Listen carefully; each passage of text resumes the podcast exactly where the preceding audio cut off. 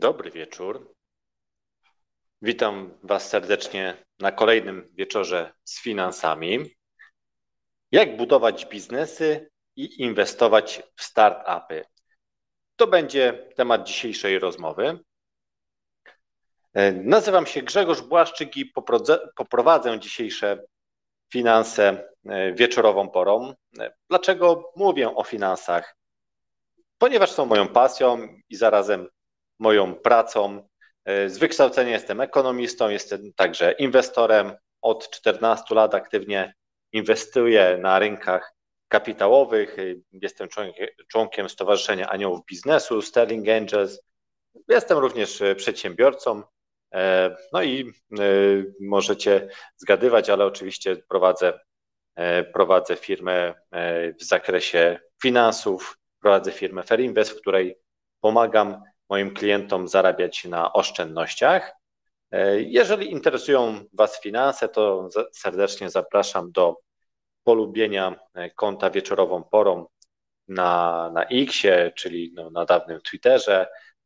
Twórca tego konta i podcastu, Nikodem, jest pasjonatem blockchainu, NFT i ogólnie Web3 i o tym też często możecie tutaj posłuchać. Ja z kolei jestem fanem tradycyjnych form inwestowania. O nich też staram się tutaj mówić. Czasem zapraszam również ciekawych gości. Ostatnio, ostatnio mogliście posłuchać i zadać pytania ekspertowi rynku nieruchomości, Karolowi. Odcinek z jego udziałem możecie odsłuchać na Spotify, na kanale, który nazywa się oczywiście Wieczorową Porą. Dziś mam przyjemność gościć osobę, która, jak sama mówi, lubi myśleć kontrariańsko, inaczej niż większość.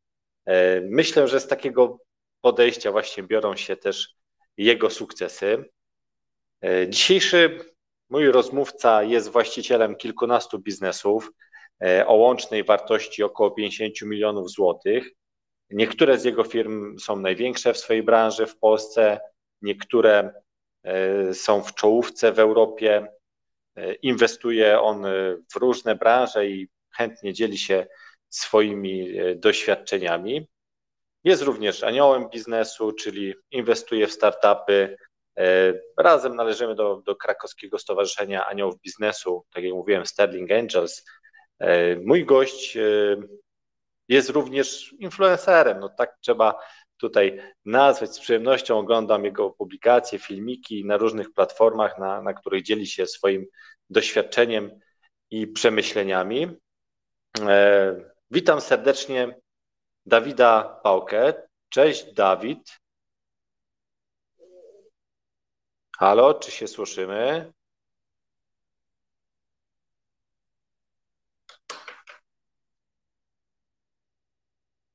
Halo, halo, masz Dawidzie udzielony e, głos.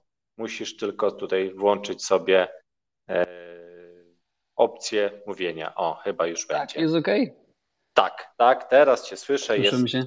jest wszystko w porządku. Dobra, fajnie. Przepraszam, bo ja siedzę akurat w garażu, bo dzieci jeszcze usypiają. Żonę wstawiłem, żeby się zajęła dzieciakami, więc ja sobie zszedłem do garażu, odpaliłem sobie cygaro, więc mam teraz czas, żeby porozmawiać z Wami. Cześć, witam wszystkich, witam, witam Cię Grzegorzu, dzięki za oddanie głosu i dzięki za takie piękne przedstawienie mnie. Tak, faktycznie y, ja się trochę zajmuję biznesem i swoim, i cudzym, i różnymi biznesami, także myślę, że dzisiaj będzie ciekawa rozmowa, bo Ty jesteś specjalistą do spraw generalnie inwestycji, znasz się bardzo dobrze na szeroko rozumianym rynku inwestycyjnym, a ja się znam na swoim, czyli znam się przede wszystkim powiedzmy w całości tematyki budowania i portfela inwestycyjnego właśnie na tematyce związanej z, z biznesami, z budowaniem swojego biznesu, budowaniem startupów i tak dalej, i tak dalej. Także myślę, że dzisiaj będzie twórcza i ciekawa rozmowa. Też mam taką nadzieję. Praktycznie to można powiedzieć, że, że mam pewność. e, Nie od dziś Cię słucham, nie od dziś się znamy i, i jestem przekonany, że tutaj będzie dla słuchaczy e, wiele wartości. E, No, mnie zdarzało się, nie wiem, z kuchni prowadzić w domu. No, akurat y, ostatnim czasy tutaj podjeżdżam wieczorkiem do biura, mam ciszę, spokój, komfort. E, mam biuro niedaleko, więc mam taką możliwość. No i Zazdro. słuchaj, Dawid, no, na początku chciałbym Ci serdecznie podziękować za przyjęcie tego zaproszenia i dziękuję Ci również, że, że chętnie dzieliłeś się informacją e, o tej dzisiejszej rozmowie na różnych e, swoich kanałach, jak na przykład e, na, na wczorajszym Twoim live, który prowadziłeś, no tak jak mówiłeś, skupiałeś się przede wszystkim na YouTubie, no ale on też dział się w tym samym czasie na Facebooku i Twitterze. No jeśli ktoś nie widział, to, to serdecznie zachęcam E, aby posłuchać na, na YouTube'owym kanale Dawida, który wczoraj e, miał, miał dużo do powiedzenia ciekawych rzeczy. E, no powiem tak, że dwa wieczorne live'y pod rząd, no, no myślę, że, że dasz radę, chociaż na pewno podejrzewam, że jest to wyzwanie. No dziś też postaram się, by można było posłuchać Cię trochę z innej perspektywy. Mam nadzieję, że te dzisiejsze tematy no, nie będą się w większości pokrywały z tym, e, o czym mówiłeś wczoraj. No jednak nie wszystko zależy ode mnie e, i każdy, kto jest z nami teraz na żywo, no jest nas już troszeczkę osób i myślę, że to też jest e, w dużej mierze pokłosie tego, że, że tutaj w rozpropagowanie tego dzisiejszego spotkania naszego się tak, tak udzielałeś. No i każdy, kto jest na żywo, to również będzie E, miał możliwość zadać e, Tobie pytanie, do czego zachęcam. E, ja oczywiście się przygotowałem, mam listę pytań, rzeczy, o które chciałbym Cię zapytać. No i sukcesywnie, jeżeli ktoś tutaj się zgłosi do zadania pytania, będę starał się tutaj dawać innym również głos, będę wplatał w te moje pytania. Niektórzy nie mają takiej możliwości lub są nieśmiali i E, i piszą e, coś w komentarzach. Tutaj też będę starał się e, zaglądać i czytać, czy, czy jest jakieś do ciebie ciekawe pytanie. No, no dobrze, może to, już... to moderuj w, taki, w takim razie, bo każdy, kto mnie zna i mnie śledzi, to wie, że ja to tak trochę spontanicznie robię swoje live'y i zazwyczaj one mają strukturę takich Q&A, tak? Czyli ludzie po prostu zadają mi no, pytania, a ja tak. lecę po prostu z czapy, tak? Jak co tam potrafię. Nie robię nigdy takich live'ów, w których gdzieś tam mówię o jakimś konkretnym temacie. Także fajnie, że będzie ktoś, kto to w końcu ustrukturyzuje w jakiś konkretny sposób. Także ja też zachęcam wszystkich, którzy chcą zadać pytanie dla odmiany nie tekstowe, tylko właśnie głosowo, to, to śmiało. Tutaj widzę też kilka znajomych twarzy, a przynajmniej kilka znajomych awatarów. Także co, lecimy Grzegorz, dawaj, co tam masz? Okej, okay, no dobra, dosyć mojego gadania, startujemy. E, I ogólnie pomyślałem sobie, że tak jak też ten tytuł e, tego live'a jest o budowaniu biznesu i o startupach, więc najpierw może porozmawiamy po prostu o, e, o, o budowaniu firm, o ich rozwijaniu, a w drugiej części tutaj bardziej się skupimy na startupach, zobaczymy jak to się uda. E, no to słuchaj, może na początku powiesz, jak zaczyna się budować portfel firm, czy powinien to być nie wiem, jeden biznes na start, czy raczej stopniowe rozwijanie różnych biznesów. Jak to widzisz? Kurczę, wiesz co, trudne pytanie. Ja od razu chcę wszystkich Was tutaj obecnych i przyszłych, którzy będą odsłuchiwać tego live'a, e, powiedzieć, że ja się nie przygotowywałem do tego live'a, to znaczy nie dostałem od Grzegorza żadnych jakichś tam konkretnych pytań, o co będzie by nie pytał, żebym ja się mógł przygotować, więc jest totalnie naturalnie. E, ja Wam powiem tak, E, od kiedy gdzieś tam słucham, e, czytam jakichś mądrych ludzi, mądrych coachów, mądrych specjalistów od rozwijania biznesu, zawsze słyszałem taką rzecz. Skup się na jednym biznesie. Laser focus, jeden biznes, ten biznes rozwijasz ile tylko możesz, bądź najlepszy w swojej branży, bądź numerem jeden, bla, bla, bla i tak dalej, i tak dalej. No więc generalnie jakby nie, jeśli chodzi o mnie, nie. Ja mam zupełnie inne podejście. Tak jak, jak pewnie już wiele osób nie poznało, ja w wielu obszarach mam inne podejście niż takie uklepane, ustandaryzowane mm, patrzenie na biznes. Więc jakby ja uznałem w swoim rozwoju moich biznesów, że ja wcale nie muszę być numerem jeden w jakimś biznesie. Ja wolę stworzyć jakby ekosystem różnego rodzaju biznesów, które będą się nawzajem uzupełniać. I e, kiedy stworzyłem jakby pierwszy biznes, e, który był firmą rekrutacyjną, dlatego że moja historia była taka, nie chcę tutaj zanudzać, ale wiele osób jakby już zna moją historię. E, kiedyś tam w swojej karierze, rozwoju zawodowym stworzyłem biznes, ten biznes padł, nic tu niezwykłego, historia wielu przedsiębiorców. Byłem młody, nieopierzony, Nie miałem pojęcia o budowaniu biznesu, wszedłem w coś, na czym się zupełnie nie znałem, namówiony przez partnera biznesowego, to padło z kretesem, ja skończyłem w ogóle z długami, więc po prostu taka klasik historia, e, wiecie, od, od zera do zaraz powiem czego. E, I jakby potrzebowałem dobrych dwóch, trzech lat, żeby się wykurować z tego biznesu, który mi tam padł, musiałem iść do teścia, pożyczyć pieniądze, żeby zapłacić skarbówce. No masakra po prostu, masakra. E, w każdym razie po trzech latach wykurowałem się w korporacji e, rekrutacyjnej, doszedłem do stanowiska dyrektora, zarządzałem całą Polską Południową, kilkunastu pracowników pode mną, współpracowałem z takimi top menedżerami w Polsce, dyrektorami, prezesami spółek, współpracowałem z dziesiątką najbogatszych Polaków, ze setki najbogatszych Polaków, dla nich rekrutowałem dyrektorów, prezesów, więc gdzieś tam już powiedzmy e, się, e, że tak powiem, nieładnie otorbiłem, jeśli chodzi o takie osoby na odpowiednich stanowiskach. No i zostałem zwolniony z tej firmy, więc zostałem znowu takiego strzała. E, zresztą też w tych moich materiałach czasami o tym opowiadam, że każdy ma prawo e, mieć taką sytuację, która jest zupełnie niezależna od niego. No ale dobra, do rzeczy, bo, bo tutaj miałem mówić o czymś zupełnie innym. E, I e, postanowiłem, że zbuduję swój biznes, a tak się składa, że w rekrutacji wcale nie marka ma duże znaczenie. I w wielu biznesach zresztą tak jest, tylko my sobie często o tym e, nie myślimy, nie zdajemy sobie z tego sprawy. Nie brand, nie wielki globalny brand, bo pracowałem w jednej z trzech największych firm rekrutacyjnych na świecie tylko tak naprawdę ludzie, którzy tworzą jakby ten biznes, mają znaczenie. Czyli dla moich klientów to nie miało znaczenia, że jestem pod takim czy pod innym brandem. Dla moich klientów znaczenie miało, że jestem to ja, że to ja świadczę tą usługę, że ja jestem twarzą tego biznesu.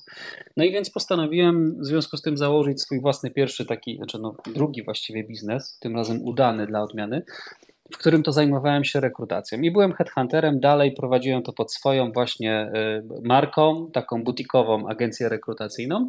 No i tak sobie gdzieś tam lecieliśmy. W pierwszym roku zrobiliśmy tam chyba 700 tysięcy y, y, przychodu.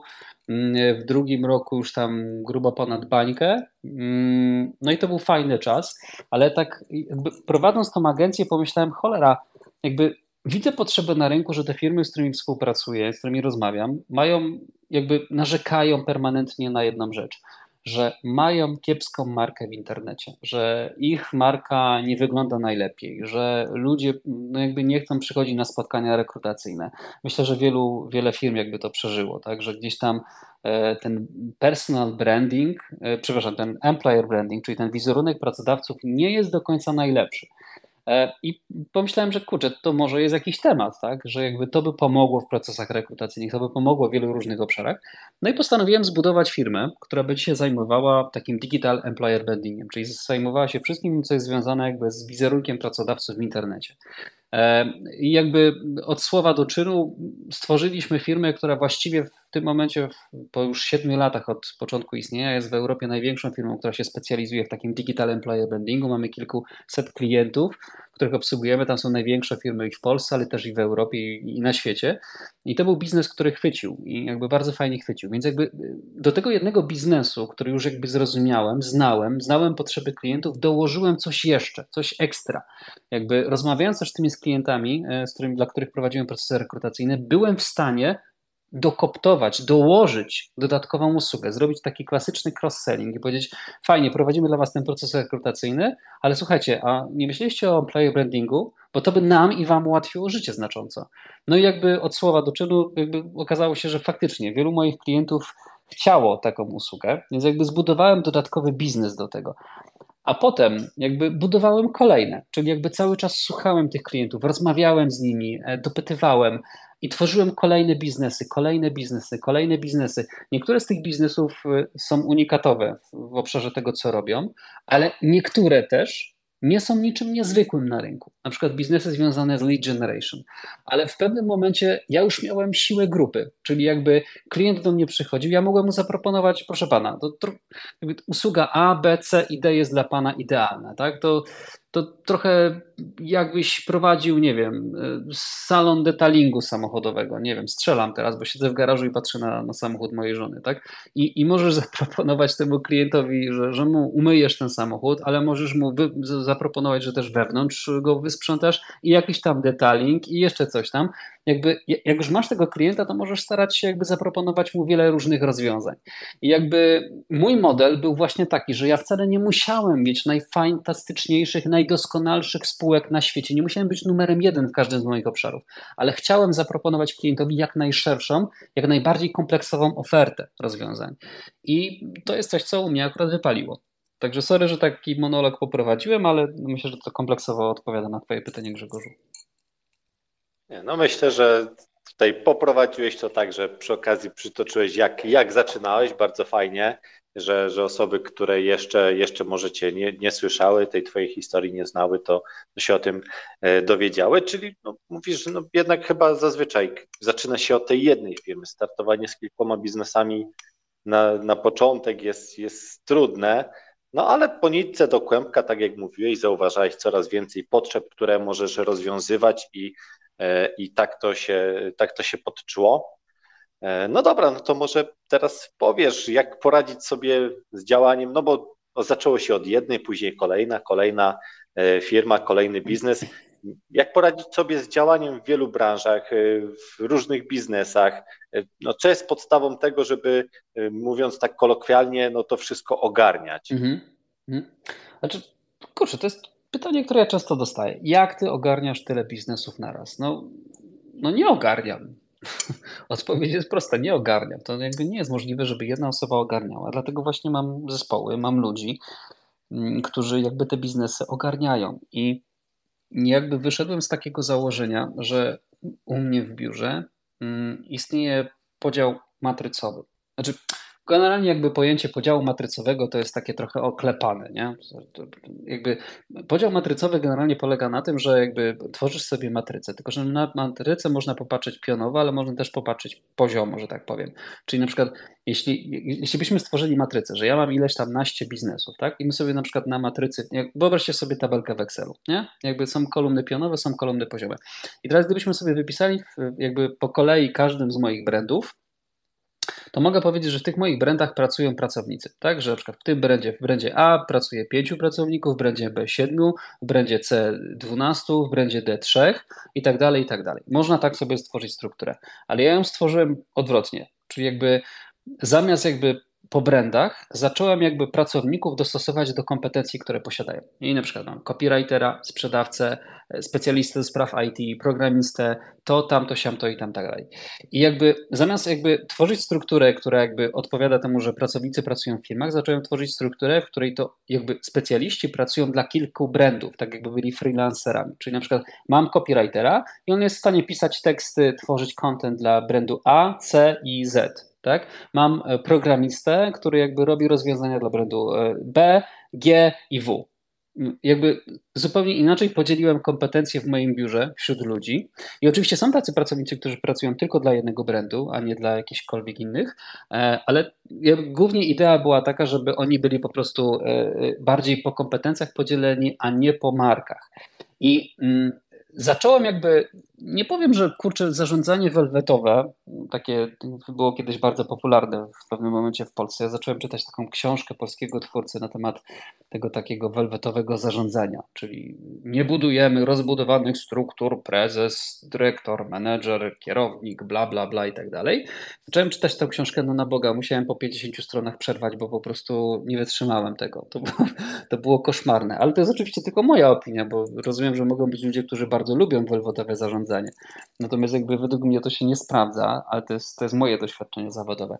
Więc mm, generalnie jakby ja mam takie podejście, że ja y, jak zatrudniam ludzi, to rzucam ich na głęboką wodę. Czyli jakby ja nie mam czasu, żeby pracowników y, wdrażać bardzo dobitnie, żeby ich bardzo rozwijać, żeby ich prowadzić za rączkę. Ja ich wrzucam na głęboką wodę, oczywiście dostaję podstawowe wdrożenie, ale potem muszą się wykazać. Jeśli się wykażą, to ich bardzo szybko wyciągam za uszy do góry i, yy, i bardzo szybko robię z nich liderów, menedżerów, e, dyrektorów jakby poszczególnych brandów, dlatego że mam przez to, że jakby moja grupa rozwija się tak szybko, że ja tworzę rocznie dwa, trzy nowe pomysły na biznes, nowe brandy odpalam, to ja mam ogromną potrzebę, żeby bardzo szybko um, wsadzać w te brandy ludzi, którzy tymi brandami będą zarządzać.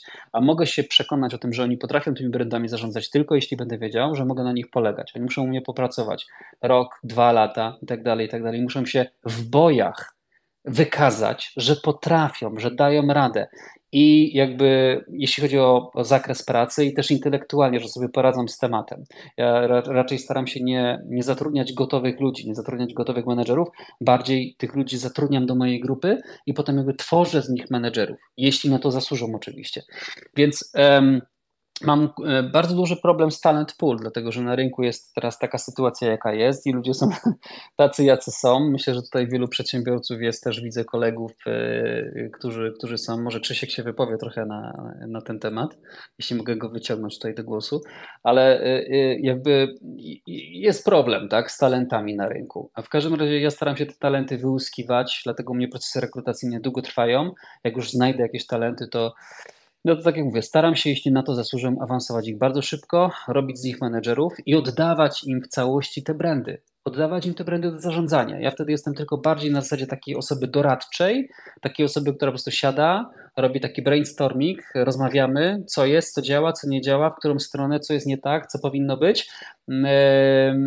No i jakby niech ta osoba rozwija dalej ten brand. Oni po prostu stają się takimi mikroprzedsiębiorcami, którzy prowadzą swoje własne brandy. To jest jakby fajne. To, to jest jakby dla nich, dla ambitnych ludzi też niesamowita szansa, żeby w przeciągu dwóch lat z kogoś, kto przychodzi na stanowisko specjalisty, zostać menadżerem. I ja taką szansę daję, tak? bo ja nie jestem korporacją. Ja nie mogę im dać e, szklanych e, E, wiecie, biur e, na 17 piętrze w wieżowcu. Nie mogę im dać owocowych poniedziałków, pasztetowych wtorków, kart benefit i tak dalej, i tak dalej, ale mogę dać im niesamowite możliwości rozwoju. I to jest fajne, bo jakby w ten sposób trafiam do ludzi, którzy mają ambicje, mają aspiracje, żeby się rozwijać.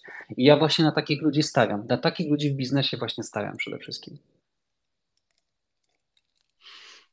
No i to jest właśnie Między innymi to, po co Cię zaprosiłem, żeby, żeby ludzie mogli usłyszeć o takim innym podejściu, które no, no jest bardzo rzadkie, trzeba przyznać, bo no też nie, nie każdy jakby ma możliwość zatrudniania jednej osoby i wykorzystywania jej e, do, do kilku swoich brandów, ale no myślę, że to w znaczący sposób ogranicza e, zaoszczędza twój czas, że nie musisz właśnie, tak jak dawałeś przykład copywritera, czy masz pewnie jakiś HR-owca, no chociaż masz całą firmę HR, e, tak, ale e, no, osoby, które, e, które ci te tematy ogarniają i, i, no i po prostu z mniejszą ilością ludzi musisz się kontaktować, a to, że mówisz, że to jest często zadawane ci pytanie, potwierdza tylko to, że Nikodem, który no, ten kanał wieczorową porą stworzył i który współtworzy ze mną, napisał dzisiaj do mnie przed 20, że nie da rady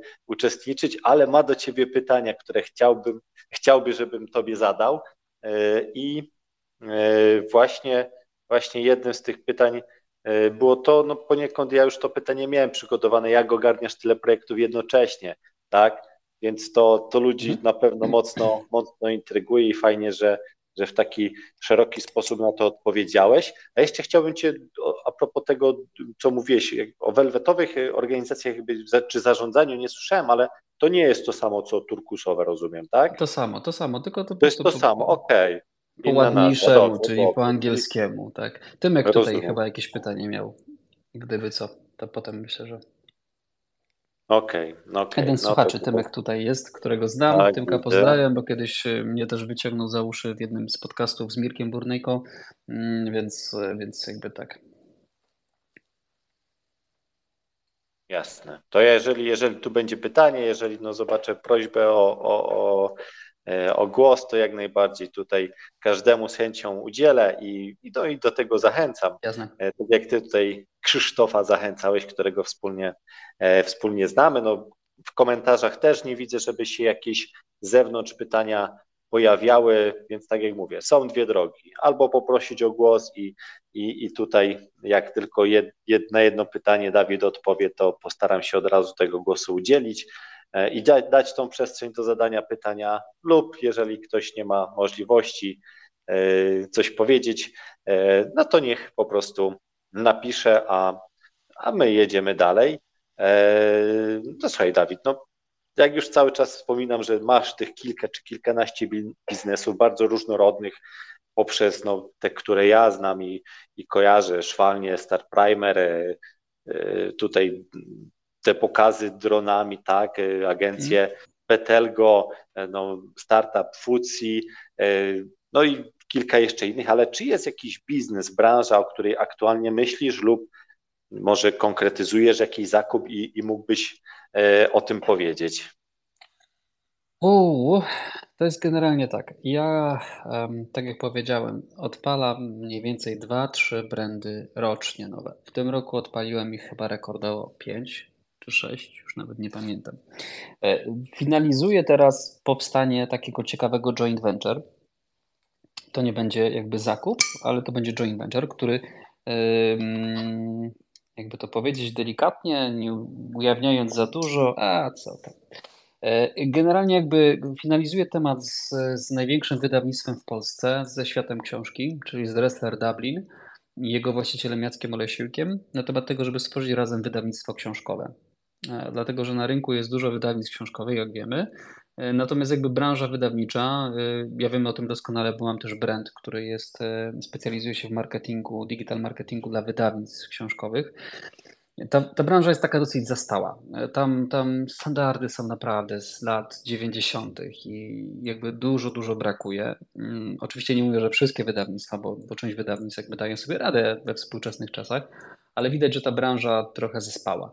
I, i jakby mamy jakby zamiar razem zbudować takie wydawnictwo, które będzie specjalizować stricte w wydawaniu książek biznesowych, dlatego że ja mam co najmniej kilka dźwigni. Jeśli byłeś wczoraj, ja o tym mówiłem, byłeś wczoraj na live, bo, bo widziałem Cię Grzegorzu. No tak, e... tak, doskonale e, o tym słyszałem i zastanawiałem się, jak zacząłeś mówić, czy, czy powiesz właśnie o świecie książki, e, bo to rozumiem nie jest ten sam biznes, po który, e, no też to miał być joint venture, po który leciałeś do Wali, tak?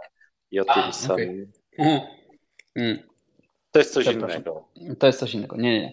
E, no, no, świat no, książki, świat książki jakby pozwoli mi zbudować razem z Jackiem Olesiukiem wydawnictwo książkowe, które będzie specjalizować w książkach biznesowych. I jakby ja tu mam co najmniej kilka dźwigni biznesowych, bo jakby jeśli budować biznes, to trzeba mieć jakąś dźwignię biznesową, tak?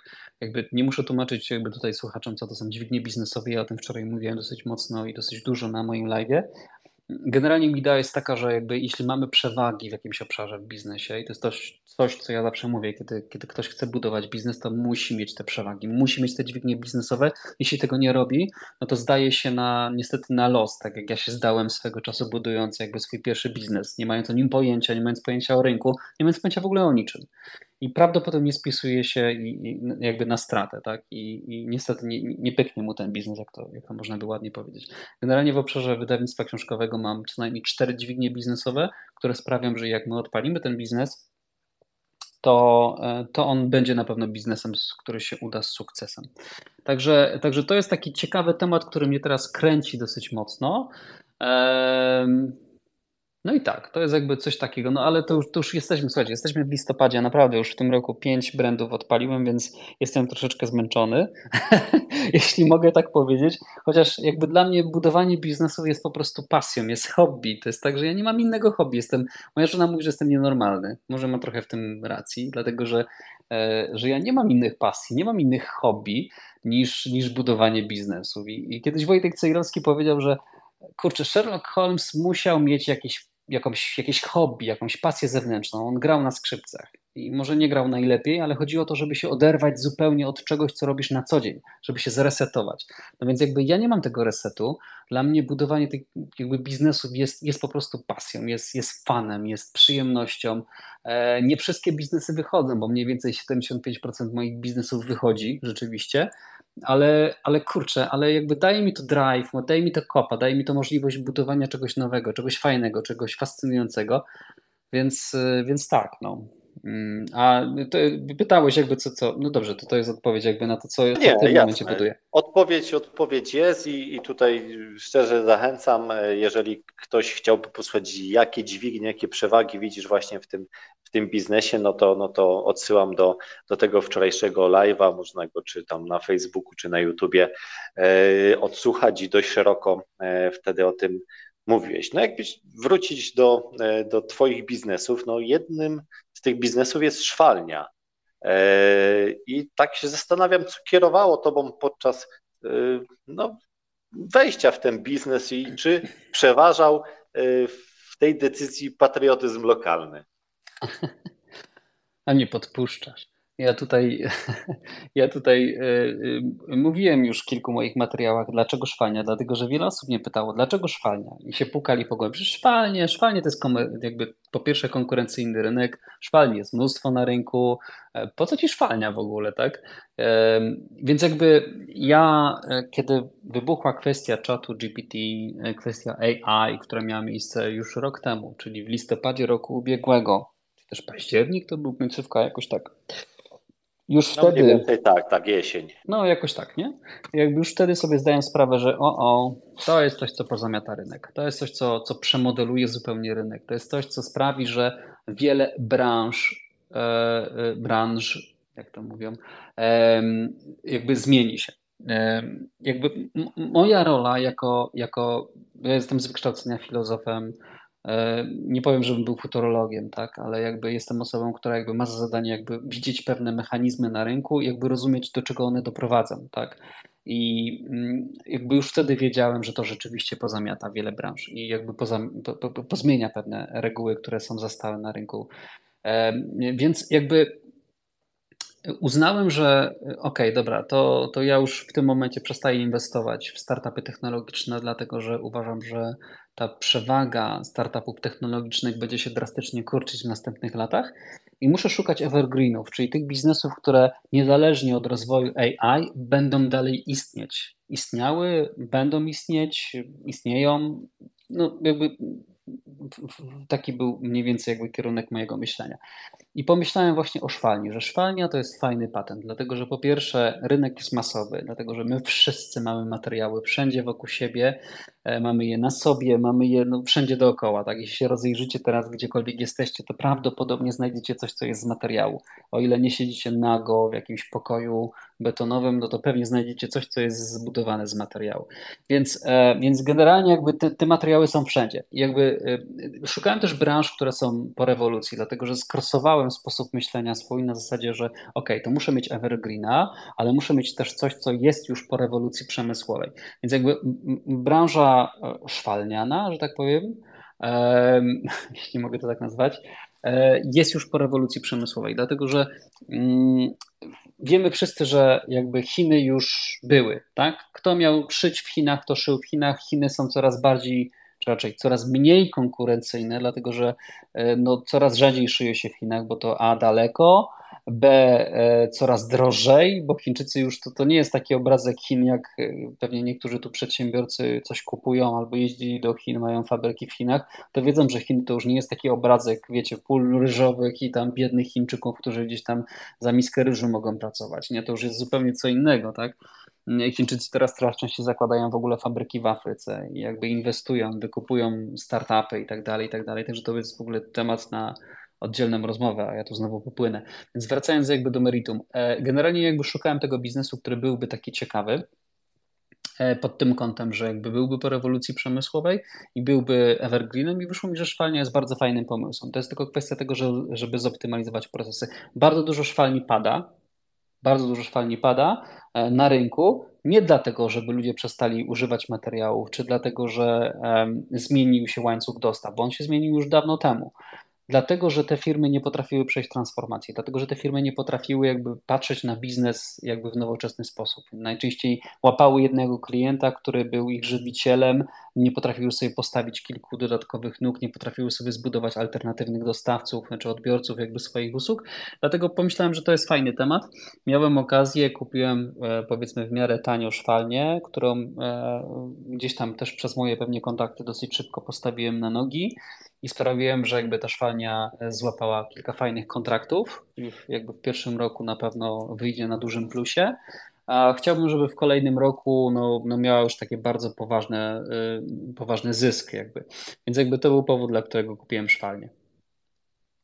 Okej, okay, czyli rozumiem, że jakby umiejscowienie tej szwalni po prostu gdzieś tam ci też pomogło, żeby się zdecydować, czy dowiedzieć się o tym, e, o tym miejscu. No ale to, co, to, co mówisz, że, że są takie branże, które no, na tą rewolucję AI mogą być odporne i e, ciekawe jest to, e, o czym pisałeś jakiś czas temu, czyli o, o fryzjerach, bo kilka dni przed Twoim wpisem ja ze swoim barberem rozmawiałem, co w ogóle go skłoniło, żeby zająć się tym no i oprócz tego, że tam mówił, że, że fach w ręku, to, to również to, że, że to jest taki fach fryzjer, który, no, który raczej zawsze, zawsze będzie e, potrzebny. Oczywiście, że, że ma swoje e, ten biznes jakby ograniczenia, tak? Nie można tego skalować nie wiadomo jak, ale, ale no są takie, takie biznesy właśnie, które, które AI no może no nie, nie zastąpi, tak?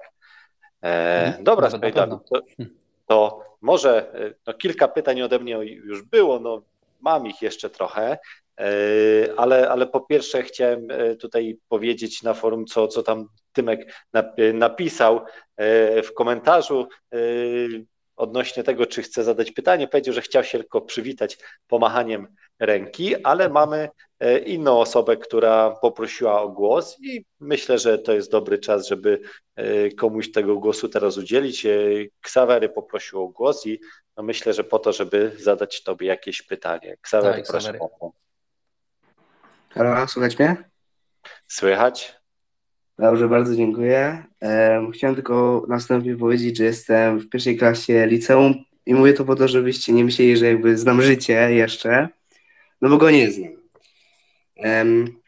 Moje pytanie jest takie, że nie mam jakby żadnego hobby szeroko rozumianego, ani zainteresowań i dlatego jeszcze nie wiem, w jakiej branży będę robił biznes w przyszłości, ponieważ jeszcze jakby nie mogę tego sobie znaleźć i często słyszę rady typu, że muszę próbować różnych rzeczy w różnych branżach i wtedy jak poczuję po prostu, że to jest to, to tam zostać. I potwierdzasz, yy, podtrzymujesz to, czy masz jakiś inny sposób, żeby znaleźć swoje zainteresowanie? Znaczy, Rozumiem, że pytanie jest do mnie. Ksawery, generalnie fajnie, mega, mega dzięki za to pytanie i dzięki za odwagę, bo jakby, słuchajcie, bo ja czasami jakby na Twitterze, czy też w LX-ie słucham tych rozmów i jakby wiem sam doskonale, jak to jest, że ludzie jakby słuchają, przesłuchują się, nie chcą zadawać pytań, trochę się wstydzą, może się nie chcą odezwać, boją się skompromitować i tak dalej, i tak dalej. Kurczę, słuchajcie, podejdźmy do tego na zasadzie, jakbyśmy tu wszyscy siedzieli na jednym wielkim piwie, nie? Jakby nie ma znaczenia, kto jest kim, jak macie ochotę, zadajcie pytanie. Nie wstydźcie się, że się przejęzyczycie. Nie wstydźcie się, że powiecie, nie wiem, jakąś głupotę. Ja też często mówię głupoty i się nie wstydzę. Nie? Jakby na pewno teraz cygaro i, i taką malutką ilość whisky mi tu pomaga w tym, ale, ale generalnie jakby nie wstydźcie się. Pogadajmy po prostu, jakbyśmy tu wszyscy siedzieli i jakby mogli sobie pogadać o biznesie, po, po, pogwarzyć. Ksawery, w ogóle to przede wszystkim tak, szacunek za to, że jesteś młodym chłopakiem w pierwszej klasie liceum, i, i jakby myślisz w ogóle o biznesie. Ja jak byłem w pierwszej liceum, to myślałem, kurde, nie wiem o czym myślałem, pewnie o Pokémonach i graniu na, na, na, na komputerze, tak? W tamtym czasach jeszcze w ogóle konsole to nie były w modzie, tylko się grało na PC-cie. Jakieś stare gry typu Fallout albo Icewind Dale, które pewnie teraz nic ci nie powiedzą. Diablo, o, o to był wypas. Um, generalnie ja bym powiedział tak, e, daj sobie czas bo to jest tak, że żyjemy trochę w takiej kulturze szalonej, że jakby my obserwujemy e, niesamowite przykłady. Są przedsiębiorcy, którzy w wieku 20 lat robią mega biznes, zrobili miliony, rzucają na Instagrama zdjęcia super samochodów, wycieczek, e, wiecie, takich kanapek z pieniędzy i tak dalej, i tak dalej. To wszystko to jest uda, to jest fikcja, to jest, to jest fake. A nawet jak nie jest fake, to, to to są jakby sytuacje, które są naprawdę wyjątkami. Wyjątki stanowią regułę. Niestety, tak, zawsze tak było i zawsze tak jest i pewnie tak zawsze będzie. Wyjątki stanowią regułę. Na każdego wygranego przypada tysiąc przegranych. Okay? I ja nie, nie neguję tego, że jest jeden Mark Zuckerberg, jest jeden Elon Musk, jest, jest iluś tam ludzi, którzy zarobili gigantyczne pieniądze na tradingu, na graniu na giełdzie, na, na inwestycji w krypto i tak dalej, i tak dalej. Ale na tych wszystkich ludzi przypadają dziesiątki tysięcy ludzi, którzy przegrali. Więc jakby fajnie, że masz taki dobry mindset, że jakby myślisz już o tym, żeby, żeby jakby powolutku iść w stronę budowania swojej przyszłości w biznesie. Super, to jakby szacun za to w ogóle, że, że tak myślisz. Ale e, no jeśli mogę coś doradzić, stary, jesteś w liceum, pobaw się, teraz jeszcze życiem, póki jesteś w liceum, e, myśl o tym, żeby, żeby, wiesz, żeby gdzieś tam pożyć przede wszystkim, żeby się uczyć pewnych rzeczy, żeby zdobywać pierwsze sznyty, pierwsze doświadczenia, bo sam jeszcze nie wiesz, w którą stronę pójdziesz. Bądź otwarty, miej uszy szeroko otwarte, słuchaj tego, co się dzieje na rynku, bo to wszystko się zmienia. Pięć lat temu, kurde, dwa lata temu nie było AI to AI przemodeluje wszystko na rynku, stworzy ogromną ilość możliwości, ale też zabije bardzo dużą ilość branż. Bądź po prostu otwarty na to, co się dzieje, słuchaj, czytaj, myśl, kombinuj, e, ale jakby bez takiego poczucia, że kurczę, no ja muszę już to zrobić tu i teraz, bo jak nie wykorzystam swojej życiowej szansy, to będzie po mnie, nie? Popatrz na Warrena Buffetta, który ma tam, nie wiem, 70 lat jest e, multimiliarderem, ale jakby jest tym multimiliarderem tylko dlatego, że przez całe życie podejmował dobre, rozważne decyzje inwestycyjne i czekał, aż to wszystko się skumuluje. I tylko dlatego, że się skumulowało, teraz jest autorytetem, jest multimiliarderem bo gdyby nie czekał, to, to tak naprawdę by nie był tym, kim jest w tym momencie. Także jeśli mogę Ci podpowiedzieć, bo ja też nie jestem w pozycji autorytetu, który komukolwiek może doradzać i zawsze to powtarzam, że na Boga nie jestem mentorem, nie jestem żadnym coachem, Boże broń, jakby mnie ktoś tak w ogóle nazwał. Także e, słuchaj, po prostu bądź otwarty, słuchaj tego, co się dzieje na rynku, e, wyczekuj, a jak zobaczysz jakąś niesamowitą okazję, to wtedy po prostu działaj. Dobrze. No to mam jeszcze takie trzy małe pytania. Może trochę się śpieszę i dam oczywiście głos innym. No to jeżeli mogę, to drugie jeszcze. Wiem, że teraz postąpię wbrew temu, co powiedziałeś, czyli żeby nie miał się śpieszyć, ale zjada mi ciekawość, jak zbudować sieć kontaktów i znaleźć e, tych ludzi, którzy znają ludzi. W sensie, wybacz, że tak to opisuję, ale zapomniałem nazwy. Pamiętam, że to było coś na C. Um, Okej. Okay.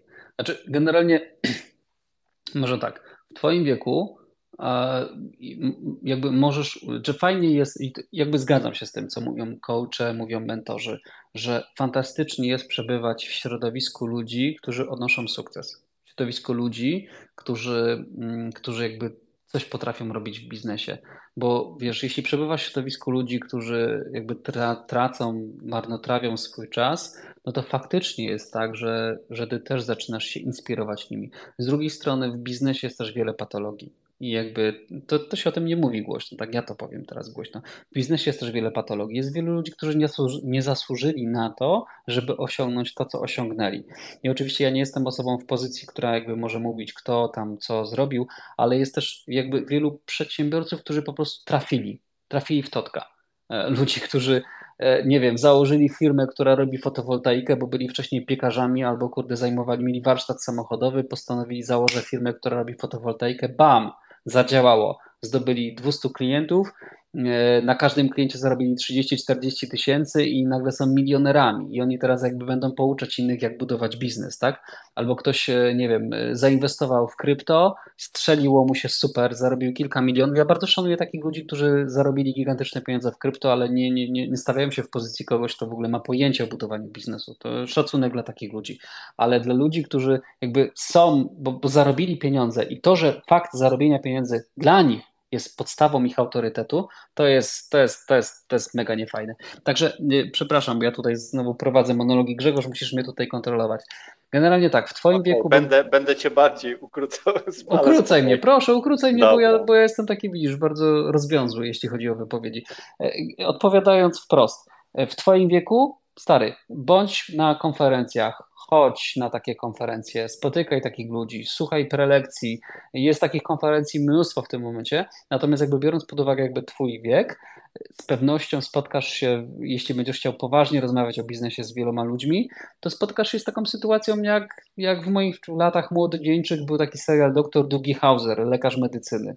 E, gdzie, gdzie jakby młody chłopak, który był tam w wieku licealnym, właśnie był już po studiach medycznych i był, i był, i był lekarzem. I niestety nie cieszył się zbyt dużą estymą, ponieważ każdy no, traktował go z góry. Więc jakby pewnie tak samo będzie w Twoim przypadku. Sorry, że to mówię, ale jestem całkowicie szczery. E, więc jakby może jakieś kluby, słuchaj, biznesowe, młodzieżowe, coś takiego, coś, wiesz, jakby w tą, tą stronę, tak? Jeżeli mogę, jeżeli nie przerywam oczywiście, Jasne, rozumiem. Jakby to powiedzieć? Jestem młody, wiem, że jeszcze życia nie znam, wszystko mi się kształtuje, może jestem trochę naiwny, jest to wszystko prawda. Oraz krytyka to jest tylko dla mnie źródło do polepszenia, więc jakbym coś źle mówił, to powiedz, postaram się sprostować. Um, jeszcze w tych ostatnich pytaniach, pierwsze, um, jak odkryć, ponieważ właśnie staram się tak powolutku edukować, ale i tak naprawdę książki szukam z internetu. Wiele znalazłem książek, Brain Tracy, Strategia Błękitnego Oceanu, też część rekomendowana przez Ciebie, jeżeli tak to mogę powiedzieć. Ale jak właśnie rozróżnić, gdybym chciał jeszcze na własną rękę więcej znaleźć tych książek między bull, bullshitem a taką perełką? Na przykład czytałem Klub Piątej rano, zanim obejrzałem niedzielnego live'a, no i sądziłem, że to kurde piękna książka. No ale teraz zauważyłem, że no, może mieć małe błędy, ale tego po prostu, zanim mi to powiedziałeś, nie zauważyłem. Jak właśnie rozróżnić bullshit od faktycznych, wartościowych źródeł wiedzy? Znaczy, może tak. Ja przepraszam, jeśli komukolwiek zmieniam sposób myślenia. To jest trochę tak, że jakby książki są różne i one są na różnych etapach rozwoju. Dla mnie e, jakaś książka może być infantylna, może być jakby taka bardzo basicowa na temat biznesu, tak, że jakby czytam 200 stron i słyszę rzeczy, które już znam od kilkunastu lat i mogę stwierdzić, że to jest słaba książka, ale wiesz, dla ciebie, kiedy jesteś na zupełnie innym etapie życia, na zupełnie innym momencie, w innym momencie rozwoju niż ja, to ta książka może być takim eye-openerem, więc jakby to przepraszam, to jest jakby błąd mojej pychy i arogancji, że ja mówię, że jakieś książki są według mnie infantylne i głupie. To nie jest tak, że one są głupie. To jest tak, że ja uważam, że one są głupie z mojej pozycji.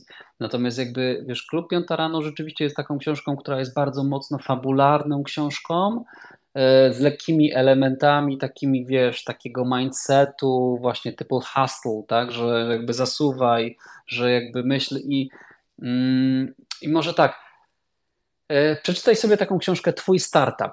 Dla mnie to była książka, która e, była taka bardzo, bardzo basicowa, ale dla kogoś, kto jest na początku swojej drogi, Twój Startup może być ciekawy. To jest właśnie trochę połączenie książki typu jakby trochę budowania biznesu, trochę budowania startupu z bardzo mocną fabułą, tak? Która jakby dla, dla osób, które jakby nie są bardzo obeznane w, w czytaniu książek biznesowych, może być fajną, przyjemną, ciekawą książką. Także taką książkę mogę Ci polecić, Ksawery. Dobra, i już tak, no do widzenia. Oczywiście zostanę, ale dam głos innym. To tak już na koniec. Mam te 15 lat i według Ciebie wiem, że nie będziesz mi mówił, co mam robić, ponieważ sam zdecyduję, co z tym zrobię. Tak w formie rady, i może zastosuję, może nie, ale w formie rady, co powinienem właśnie zrobić, oprócz tego, że powinienem zacząć powoli, tak już podsumowując. Wybacz, że tak mówię enigmatycznie, a tak po prostu już mam. Jejku, co powinieneś robić? To, znaczy, rozumiem, że pytasz, co powinieneś robić, co powinieneś robić, jeśli, jeśli chciałbyś budować swoją jakby przyszłość w obszarze biznesu, jakieś tam bogactwa i tak dalej. Znaczy, ja myślę, że na tym etapie, kiedy jesteś młodym chłopakiem, ciesz się życiem, bo przyjdzie taki czas, że będziesz po prostu zasuwał, siedział w biurze po 10, 12 i więcej godzin i, i, i w tamtym czasie może być ciężko, tak? Więc jakby póki możesz, nawiązuj kontakty, poznawaj ludzi, spotykaj się z ludźmi, networkuj się, bo to często jest tak, że Ja znam wielu ludzi, którzy na przykład z, z czasów podstawówki, liceum wynoszą świetne kontakty, które potem im procentują na przyszłość. Więc e, ciesz się życiem, spotykaj się z ludźmi, rozmawiaj. Ludzie mogą cię inspirować, mogą ci dawać fajne pomysły, mogą ci podsuwać fajne pomysły. E, jednocześnie jakby słuchaj rynku, patrz co się dzieje, czytaj jakieś ciekawe newsy, inspiruj się tym, co się dzieje na zachodzie. Inspiruj się tym, co się dzieje za oceanem, jakie startupy powstają, w jaki sposób oni te startupy budują. Możesz słuchać jakby podcastów, jest e, TechCrunch na przykład. Czytaj sobie TechCruncha, jeśli znasz angielski, a jak nie znasz, to przynajmniej używaj czata GPT. E, to jest fajny serwis, który pokazuje, jakby mówi o dużej ilości startupów technologicznych i mm, no i jakby w tą stronę, wiesz, daj sobie czas, przede wszystkim daj sobie czas, bez presji, bo to jest tak, że ludzie czasami w bardzo młodym wieku chcą wystartować i potrafią się bardzo szybko wypalić. Rozłóż to na jakiś czas. Ja wiem, że masz w sobie pewnie teraz gigantyczne pokłady ambicji, chęci, żeby coś robić i super, kultywuj to, podtrzymuj to, ale kurczę też jakby myśl trochę na zasadzie, dobra, mam czas, mam na wszystko czas, dobra? Więc jakby to jeśli mogę Ci poradzić, dzięki Ksawery w ogóle za Twoje pytania, także mega fajnie było Cię usłyszeć.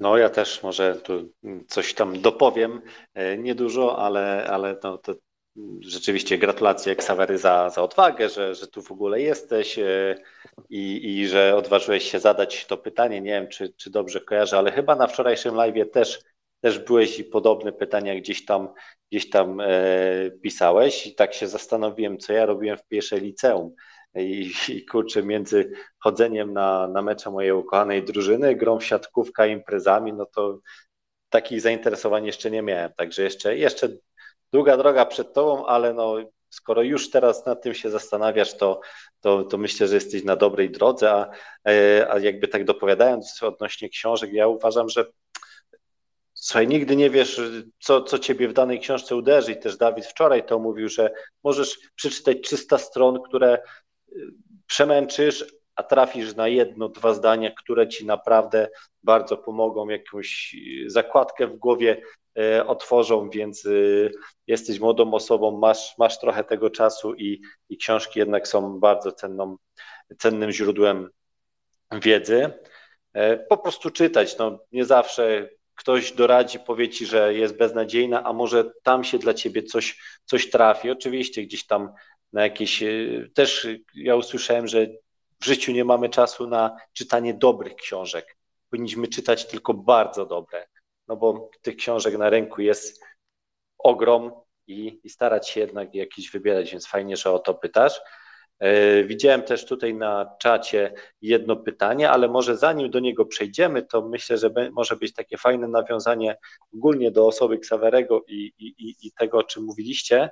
E, o tym e, pytaniu, które zadał Saneman, pamiętam i za chwilkę je zadam, ale Dawid, proszę Cię, jakbyś mógł powiedzieć, czy masz, czy miałeś mentorów, którzy wspierają Cię, cię w budowaniu, rozwijaniu siebie, no, biznesów? Jak to u Ciebie wygląda? No właśnie nie miałem. I to jest, jakby, to jest ciekawe. Jakby nie miałem żadnych mentorów nigdy. I, i to jest jakby. Mm, myślę, że to jest chyba też jakby z elementów w pewnym sensie mojego, jeśli mogę tak powiedzieć nieskromnie, sukcesu. Jakby ja nie uważam, że osiągnąłem sukces. Ja uważam, ja zawsze powtarzam, że ja dopiero zaczynam.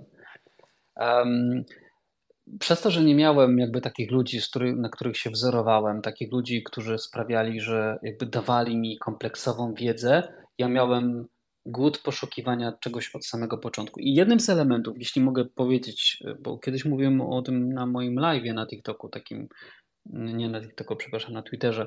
Jechałem kiedyś samochodem na spotkanie, to było jakieś dwa tygodnie temu. Mówię, a co tam? Zrobię takiego szybkiego live'a powiem ludziom, jak zbudować milion, y, zbudować biznes za milion złotych.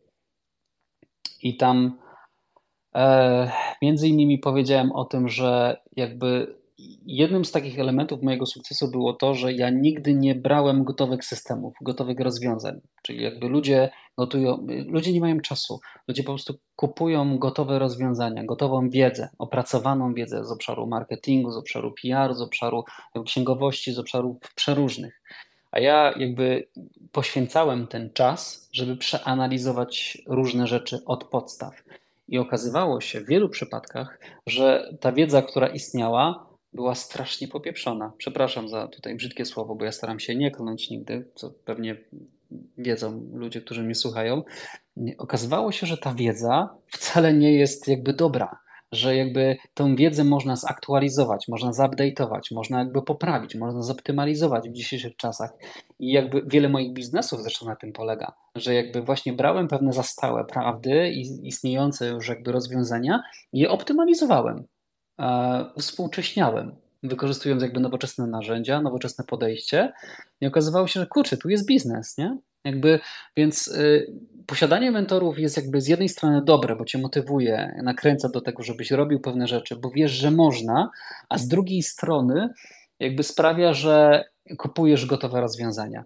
I mm, jakby to powiedzieć, e, ja zawsze powtarzam, że nie jestem mentorem, nie jestem coachem, nie jestem osobą, która jest w mocy, żeby komukolwiek doradzać, żeby kogokolwiek pouczać, bo tak naprawdę myślę, ale to jest też po to właśnie, żeby ludzie sami myśleli, żeby sami kombinowali, żeby sami odkrywali jakby jakieś prawdy i znajdywali jakby nowe nisze w biznesach, a nie jakby brali gotowe rozwiązania. To jest jakby, jakby przepraszam, że to powiem, ale ludzie są z natury leniwi. Jakby jesteśmy, znaczy to nie jest jakby żaden wyrzut do ludzi, tak? Po prostu jesteśmy stworzeniami, które antropologicznie są tak zbudowane, że nasz mózg musi oszczędzać energię. On jest tak stworzony, że musi, tak jak i nasze ciało, musi oszczędzać energię. Więc jakby zawsze szuka dróg na skróty. Zawsze szuka takich rozwiązań, które jakby oszczędzą nam czas, oszczędzą nam energię, dają nam gotowe rozwiązanie. Dlatego my nie czytamy dziesięciu źródeł e, wiadomości, żeby móc samemu wyciągnąć wnioski. My wolimy sobie włączyć telewizję, czy to będzie jedynka, czy to będzie TVN, czy to będzie Polsat, nie ma znaczenia. I wolimy oglądać jakby te wiadomości, które już są taką przetrawioną papką, gotową, nam podaną, tak? I jakby my tego chcemy, bo my po prostu nie mamy na to czasu. I jakby fair enough, tak? Jakby całkowicie to rozumiem. Natomiast jakby to było w pewnym sensie, tak jak, tak jak powiedziałem, też źródło mojego sukcesu, że jakby ja szukałem tych pierwszych przyczyn, jakby analizowałem i budowałem pewne rzeczy od podstaw, ale to też dlatego, że i tutaj wracam do Twojego pytania, Grzegorzu, że nie miałem tych mentorów, że jakby ich nie chciałem mieć i sobie sam wszystko budowałem sam. Okej, okay, no myślę, że, że tu dość konkretnie e, wytłumaczyłeś. Ja, ja szczerze mówiąc mam podobne jakby spostrzeżenie, jeżeli chodzi o takie różne gotowce, o naśladowanie. No ja się rynkiem inwestycyjnym zajmuję i też, też jakieś tam nagranie wrzuciłem odnośnie różnych mitów inwestycyjnych i, i jednym z tych mitów jest to, żeby kogoś mieć, jakiegoś guru inwestycyjnego i go naśladować. E, no to się nie sprawdza. To każdy jest inny, każdy ma inne podejście do tylu tematów, że zazwyczaj po prostu to nie działa i ludzie chcą szybko, dużo, łatwo. E, no i ktoś chce im to dać, jeszcze zapłać im za jakieś tam sygnały kupna, sprzedaży różnych instrumentów. To, to, tak, to tak zazwyczaj e, nie działa i też staram się przed takim właśnie podejściem ludzi e, przestrzegać. No i jak obiecałem, to teraz jest pytanie od, e, od Saneman32.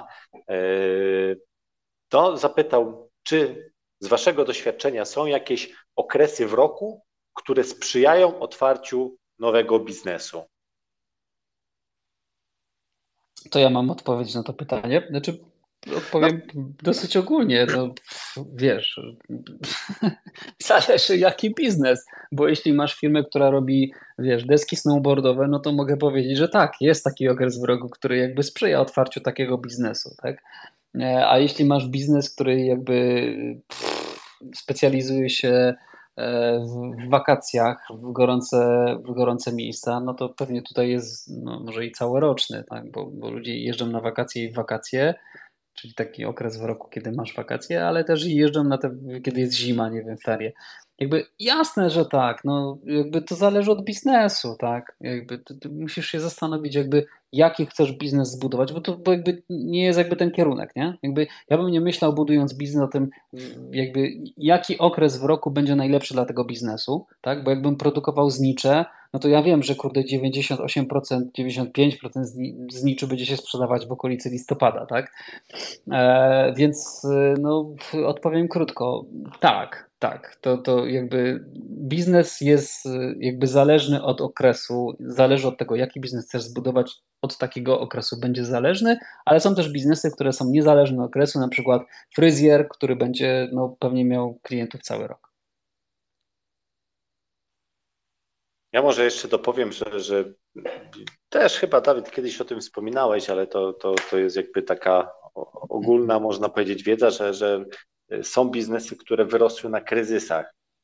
Że jeżeli trafisz w jakiś dobry moment, gdy inne firmy no, mają po prostu słabo, e, no to, no to w czasie kryzysu duże biznesy potrafią bardzo fajnie e, urosnąć. Oczywiście, jeżeli się, jeżeli się wstrzelisz. Mam nadzieję, że, że ta odpowiedź gdzieś tutaj Sanemana usatysfakcjonowała i też od razu może jak jestem przy głosie, to powiem Ksaweremu, że tutaj Tymek Staworzyński coś, coś do Ciebie napisał, jeżeli chodzi o komentarz, także myślę, że to też jest bardzo, bardzo cenna podpowiedź a propos Twoich pytań. E, tak jak mówiłem, no mam jeszcze pytanie, jeżeli chodzi o, o, e, o biznesy, ale myślę, że e, jest już 22. Jeszcze jest troszeczkę pytań, jeżeli chodzi o startupy, ale tak sobie pomyślałem i troszeczkę mnie do tego wczoraj zainspirowałeś, żeby po tych kilku pytaniach troszeczkę zmienić temat i i, i nawiązać do tego, co tam we fragmencie mówiłeś pod koniec wczorajszego live'a, e, gdzie mówiłeś o naszej rozmowie, że będziesz rozmawiał z, z finansistą, specjalistą od, od giełd, akcji, obligacji. E, no, ja znam Twoje jakby podejście do tego typu tematów, ale tak sobie pomyślałem, może no jest już późna pora, ale może troszeczkę tutaj coś podpalimy, może troszeczkę podyskutujemy, nie wiem, zrobimy jakieś dymy, trochę się powyjaśniamy, no żeby po prostu podyskutować o, o, o tych na, naszych podejściach do, e, do właśnie różnego sposobu e, inwestowania. Co ty na to? No pewnie, dawaj. Pokłóćmy się. Zawsze No tak, tak pomyślałem, żeby na tyle Ciebie znam. Nie jesteś konfliktową osobą, ja też, więc mam nadzieję, że to nie będzie jakieś sztuczne, ale, ale no, jakby znając, tak jak mówiłem, Twoje E, podejście do tego, że, że no, gdzie się jakby tworzy pieniądz, gdzie się robi biznes, a gdzie jakby się tylko utrzymuje. Jakbyś mógł tak w skrócie powiedzieć właśnie, jak, jak ty podchodzisz do takich tematów, do inwestowania w, e, w akcje, w fundusze. E, jak ty to widzisz? Dobra, to ja mówiłem to wczoraj, więc jakby pierwszy rzucę, wiesz, rękawice tutaj. Tak, faktycznie. Ja, e, ja szczerze mówiąc mam swoją drogę.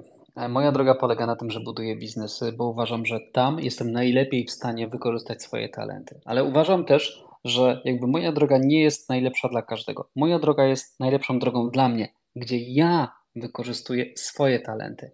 Wykorzystuję to, że ja potrafię rozmawiać z klientami, potrafię mm, jakby pozyskiwać informacje od klientów, potrafię zrozumieć ich potrzeby, potrafię zrozumieć ich słabości, potrafię zrozumieć i wysłuchać to, gdzie oni mają problem i potrafię dać im rozwiązanie. Na podstawie tego jestem w stanie zbudować biznesy, a że moja grupa kapitałowa mm, mój holding został zbudowany właśnie w taki sposób, żeby szukać tych słabości i budować rozwiązania, żeby potem budować biznesy, które są wielomilionowe. No wielomilionowe to nie, jakby nie jest dużo dla mnie w tym momencie, tak? Ale jakby zostało to zbudowane w taki sposób właśnie, żeby, żeby rozwiązywać problemy klientów. Ja uwielbiam biznes, dlatego że biznes jakby daje możliwości, daje rozwiązanie, daje wartość, daje etaty, daje zatrudnienia, rozwiązuje problemy. Nie lubię tradingu, nie lubię krypto, nie lubię mieszkań, nie lubię rynku nieruchomości, dlatego że ja wiem, że tutaj nacisnę na odcisk wielu ludziom. wielu osobom, które pewnie się nie będą ze mną zgadzać, które powiedzą, że jestem głupi, taki, siaki i owaki. W porządku, słuchajcie, jestem, jestem wielkim zwolennikiem demokracji i wolności słowa. Uważam, że każdy ma prawo, żeby wyrazić swoją opinię i jakby ja nie jestem alfą i omegą, ja nie wiem wszystkiego o wszystkim, tak? I też uważam, że jakby, jakby ktoś, kto jest introwertykiem, kurczę, no nigdy się nie odnajdzie w biznesie, takim B2B, tak? Bo, bo nie będzie w stanie zadzwonić do prezesa i pogadać jak z równy z równym, tak? Że hej, kurczę, nie wiem, Michał, słuchaj, powiedz mi, co tam masz za problem, tak? Powiedz, no stary, no, no powiedz po prostu, nie? Co, co jest twój? Ja mogę ci pomóc, no, mogę rozwiązać twój problem, tylko musisz mi powiedzieć, tak? Wiem, że introwertycy będą się fantastycznie sprawdzać, nie wiem, na rynku kryptowalut, na rynku akcji, obligacji tak itd. Tak będą sobie mogli instalować eToro itd., tak itd. Będą sobie mogli tradeować. Nie ma problemu. Dla mnie trading, kupowanie pewnych rzeczy to nie jest wartość. To jest jakby po prostu wymiana. To jest, to jest kupowanie po zaniżonych cenach, jak działa handel, tak? I sprzedawanie tego zyskiwanie jakby kapitału na tym, że po prostu jest ta wymiana handlowa, ale to nie jest tworzenie wartości. Natomiast jakby nie każdy musi się ze mną zgadzać i jakby to jest sposób na zarabianie pieniędzy. Ja nie neguję tego. To jest sposób i to nawet całkiem niezły. Natomiast jakby ja się w tym nie czuję z wielu powodów. Oprócz tego, co powiedziałem, czyli jakby nie daje wartości, to jest jakby jedno podstawowe, ale też również e, dlatego, że jakby nie, bardzo nie lubię być podatny na to, na co nie mam wpływu. Ja kupując, to mówiłem wczoraj i tu pewnie Grzegorz też do tego się odniesiesz, mówiłem o tym wczoraj na moim live nie lubię być podatny na to, na co nie mam wpływu. Jeśli ja kupię mieszkanie, jaki ja mam wpływ na to, żeby to mieszkanie w przyszłym roku było o 1000% droższe, a za dwa lata było o 5000% droższe, tak? Jakby nie mam żadnego wpływu. Jakby mogę tylko analizować jakby pewne trendy na rynku, to co się zmienia e, i kurczę, i być temu poddany. E, mogę wyremontować to mieszkanie, mogę zrobić flipa, mogę na tym zarobić i tak dalej, i tak dalej. I nic poza tym. Nic więcej, tak? No chyba, że nie wiem, nagle bam, kurczę, zbudują jakąś galerię handlową albo deweloper stwierdzi, że tędy będzie lecieć autostrada i muszą zburzyć ten blok, wyprowadzić wszystkich ludzi i będą za każde pieniądze kupować, bo przecież były takie case'y, prawda, że na przykład Apple kiedyś chciało zbudować swoją siedzibę, tą taką słynną, ten taki ring, chciało zbudować, e, znacie ten case? Może słyszeliście, może nie, E, Apple chciało kiedyś e, zbudować jakby ten swój słynny campus, taki ten ringowy.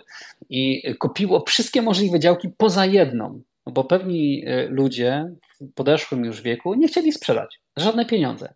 I już jakby kupili wszystkie możliwe działki i przyszło Apple do nich, mówię tu, przyszło Apple, tak, śmieszne słowo. Przyszedł ktoś jakby przedstawiciel Apple i powiedział, słuchajcie, to powiedzcie jaka jest wasza cena. I oni tam podali cenę jakąś totalnie abstrakcyjną dla siebie, ze swojego punktu widzenia i oni to zapłacili. Bo oni chcieli, jakby musieli to zrobić, tak, nie mieli innego wyjścia. Więc oczywiście, jeśli istnieją takie dźwignie, to jest fantastyczne, ale no kurczę, kto jest w stanie przewidzieć takie dźwignie? Nie, nie bawię się w trading, nie bawię się w shorty, nie bawię się jakby w krótkoterminowe kupowanie, sprzedawanie akcji. To w ogóle jest to wszystko, co się dzieje na eToro i tych innych, bo tutaj pewnie też znowu nadepnę wielu osobom na odcisk. To jest, to jest po prostu, to jest gambling, to jest hazard. To jest jakby patrzenie na te słupki, bycie uzależnionym, że muszę 10 razy na dzień sprawdzić, jak moje akcje idą w dół, idą w górę, sprzedać, kupić. To jest, te wszystkie jakby aplikacje powstały właśnie po to, Robinhood, eToro i tak dalej, i tak dalej, powstały właśnie po to, żeby w ludziach wzbudzić potrzebę hazardu, a nie budowania wartości. Dobra, wiem, że tutaj wielu ludzi zaraz mi przeklnie. Więc jakby budowanie biznesu dla mnie zawsze było fantastycznym mechanizmem do tego, żeby dawać wartość i budować coś, na co ja mam wpływ od początku do końca. Mogę to zbudować, mogę to zlewarować, mogę to jakby zamplifikować, mogę sprawić, żeby ten biznes był wart wiele tysięcy procent więcej po roku albo po dwóch, trzech latach. I jakby to jest fantastyczne. Biznes jest jakby niesamowity. I Grzegorz, ja tutaj też często przytaczam Twoją historię, którą mi kiedyś opowiedziałeś na jednym z naszych spotkań, którą mi powiedziałeś prosto w oczy, że spotkałeś się z jakimś, popraw mnie, jeśli się mylę, spotkałeś się z facetem gdzieś tam z Zakopanego, czy skądś tam? Który... No tutaj pod moich, moich tutaj górskich rejonów, yy, okolice Nowego Sącza można, można tak powiedzieć. Tak, i to była historia, w której ja tutaj opowiem wszystkim, którzy jeszcze tej historii nie znają. To była historia, w której opowiadałeś, że pojechałeś na spotkanie i jakby pan chciał zainwestować jakieś pieniądze, E, przedsiębiorca, który miał tartak, tak? I e, widzę... Tartak i produkcję drabit drewnianych, tak, tak, takie biznesy. No i proponowaliśmy tutaj akcje, obligacje, jakieś różne rozwiązania, w których można kilka, może nawet kilkanaście procent zarobić. A on ci powiedział: Widzi pan tam te deski, które leżą tam? Ja je kupiłem za bezcen, a ja jestem w stanie je sprzedać za kilka tysięcy procent więcej. I to jest biznes. Gdzie jest najwięcej milionerów na rynku? Gdzie jest najwięcej milionerów? Przeanalizujcie sobie rynek. Czy to są traderzy? Tak, oczywiście znajdziecie kilku traderów, takich głośnych, znanych i tak dalej. Znajdziecie kilku, kilkunastu, kilkudziesięciu traderów. Znajdziecie pewnie setki ludzi, którzy zarobili na krypto. Znajdziecie ludzi, którzy są od rynku nieruchomości. Pewnie tych będzie tysiące i tak dalej, i tak dalej. To jest bardzo, bardzo znany rynek. Ale na Boga, najwięcej milionerów jest w biznesie ludzi, którzy po prostu budują biznes i zarabiają gigantyczne pieniądze. Biznes daje największy zwrot, tylko trzeba to robić mądrze i z głową. Także powiedz, że nie jest tak, Grzegorzu. E, słuchaj, no ja to jakby można powiedzieć wiem od dawna, tak? I z niektórymi rzeczami tutaj. No to jak my się mamy tu pokłócić, słuchaj. No właśnie, kurczę, niektóre rzeczy, co mówisz, no muszę się zgodzić, bo ja na przykład y, też nie jestem fanem tradingu. Nie jestem fanem krypto, chociaż coś tam w kryptowalutach uważam, e, że, że mam, czy, czy też nie jestem fanem e, nieruchomości. E, no, jestem, jestem można fanem takiego zdroworozsądkowego podejścia, długoterminowego inwestowania, dywersyfikacji i, i właśnie tutaj może powiem jak, jak ja widzę właśnie inwestowanie, jak widzę dawanie wartości, no i jakby tego miejsca na rynku, jakim jest inwestowanie poprzez to, jak ja rozumiem. No bo rodzaj lokowania kapitału, no mógłbym tu wymieniać, wiele wymieniłeś. No i warto zdawać sobie sprawę, że jakby nie każdy czuje się w danym rodzaju inwestowania. Są osoby, które nie wyjdą spoza lokat, no, czego nie można nazwać w ogóle e, inwestowaniem. E, no, nie każdy rodzaj inwestowania jest dla każdej osoby. W Polsce jakby jest takie przeświadczenie, że tylko nie wiem, nieruchomości. Wiele osób co zarobi, kupić sobie y, mieszkanie na wynajem, wynajmować i opowiadać znajomym. Y, ostatnio też byłem pod Łodzią na, na, na, takim spotkaniu i osoba, która w funduszu inwestycyjnym działa, znałem ją od 10 minut, już trzy razy mi powiedziała, że, że ma tutaj y, na Mazurach domek pod wynajem, no to ją po prostu mogła o tym pogadać i to ją jakby karmiło, tak widziałem, ale jakby e, no, trzeba zdawać sobie sprawę, że no nie każdy ma możliwości czy predyspozycje właśnie, żeby otwierać, rozwijać biznesy. No niektórzy będą się spełniać na etacie jako menadżerowie, dyrektorzy, lekarze, adwokaci. No, no bardzo potrzebne zawody, no, takie osoby mają też oszczędności, no i ja chcę, żeby edukować ludzi, że powinni je inwestować, ale, ale te osoby często nie mają wiedzy, nie chcą na to przeznaczać dużo czasu. No, no ja takim osobom po prostu pomagam. No mam też klientów, którzy mają firmy, mają dochodowe firmy i ja mam świadomość, że jakby z ich biznesem nie jestem w stanie y, konkurować stopą zwrotu, y, ale te osoby mają świadomość, że w pewnym momencie część środków warto wyciągać z tego biznesu. Warto, e, pomimo tego, że wrzucą gdzieś w obieg te pieniądze i zarobią więcej, żeby one były po, poza biznesem, żeby były nastawione na inne, może mniejsze, e, mniejsze ryzyko, żeby też po prostu gdzieś kapitał na przyszłość gromadzić. No po prostu chcą dywersyfikować swoje e, dochody. No, mam też klientów, którzy jakby mieli biznesy, wyszli z nich, E, no i chcą po prostu z tych profitów korzystać. E, no, ma, ma, mają te pieniądze już im zarabiać, oni już e, swój biznes otworzyli, jeden czy drugi, nie mają ochoty no, tworzyć kolejnych, tak? Są, mhm. są to zarówno i trzydziestokilkulatkowie, a zazwyczaj no jednak to są, to są osoby dość, dość starsze niż, niż 30 kilka lat. No, E, no, to mam świadomość, że no, tworząc biznesy można mieć znacznie większe ROI e, niż z inwestycji w rynek kapitałowy. No, no jednak nie każdy po prostu chce się bawić w firmę, nie? nie każdy ma na to siłę, ochoty, e, zdolności. No albo to już jest po prostu, tak jak mówiłem za nim i chce teraz po prostu, żeby te pieniądze gdzieś mu pracowały i też jestem zdania, że właśnie w inwestowaniu tam nie powinno być emocji.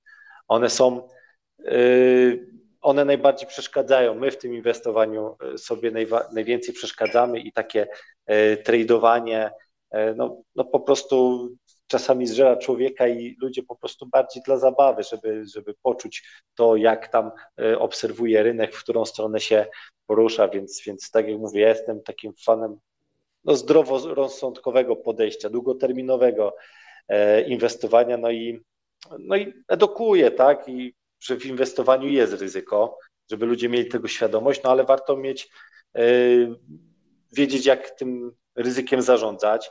E, no, też nie jestem osobą, która na przykład obiecuje, coś gwarantuje, bo mam świadomość, że no, na rynku inwestycyjnym no nie wszystko zależy e, ode mnie, no i, no i chciałbym, żeby ludzie po prostu mieli świadomość, że, że e, jak wygląda takie prawdziwe inwestowanie, żeby nie, nie dochodziło do sytuacji, gdy no, są różne, o których słyszeliśmy, większe, mniejsze aferki, gdy ktoś wykorzystuje po prostu naiwność, niewiedzę, czasami no też chciwość osób, jak nie wiem, getback, nie wiem, mis-selling w bankach, e, nie wiem, inwestowanie całości oszczędności w, nie wiem, poprzez Amber Gold, ostatnio e, głośniejsze inwestycje e, Palikota, czy inne tego typu rozwiązania. No i mam nawet tak na świeżo dzisiaj rozmowę przed południem ze starszym panem z Podkarpacia, który zadzwonił do mnie po pomoc. Ponad dwa lata temu zainwestował w różnych walutach, w różne platformy e, około miliona złotych. I, e, no i te platformy obiecywały mu złote góry, no i teraz próbuje te pieniądze odzyskiwać. Ja nie wiem, czy, je, czy, czy można mu pomóc, tak?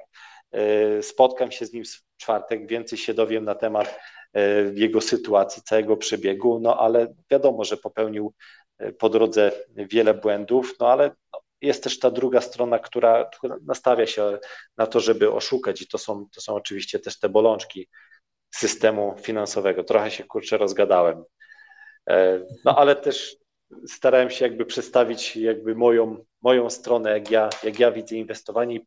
No, uważam, że jakby każdy, każdy ma swoje miejsce i swój cel e, w, w, tej, całym, w całej przestrzeni, tak? No jasne. Znaczy z tradingiem to jest tak, tutaj Jakub też do mnie w międzyczasie napisał w komentarzu. Jakby ja się całkowicie zgadzam. Trading to jest tak naprawdę żerowanie, działanie.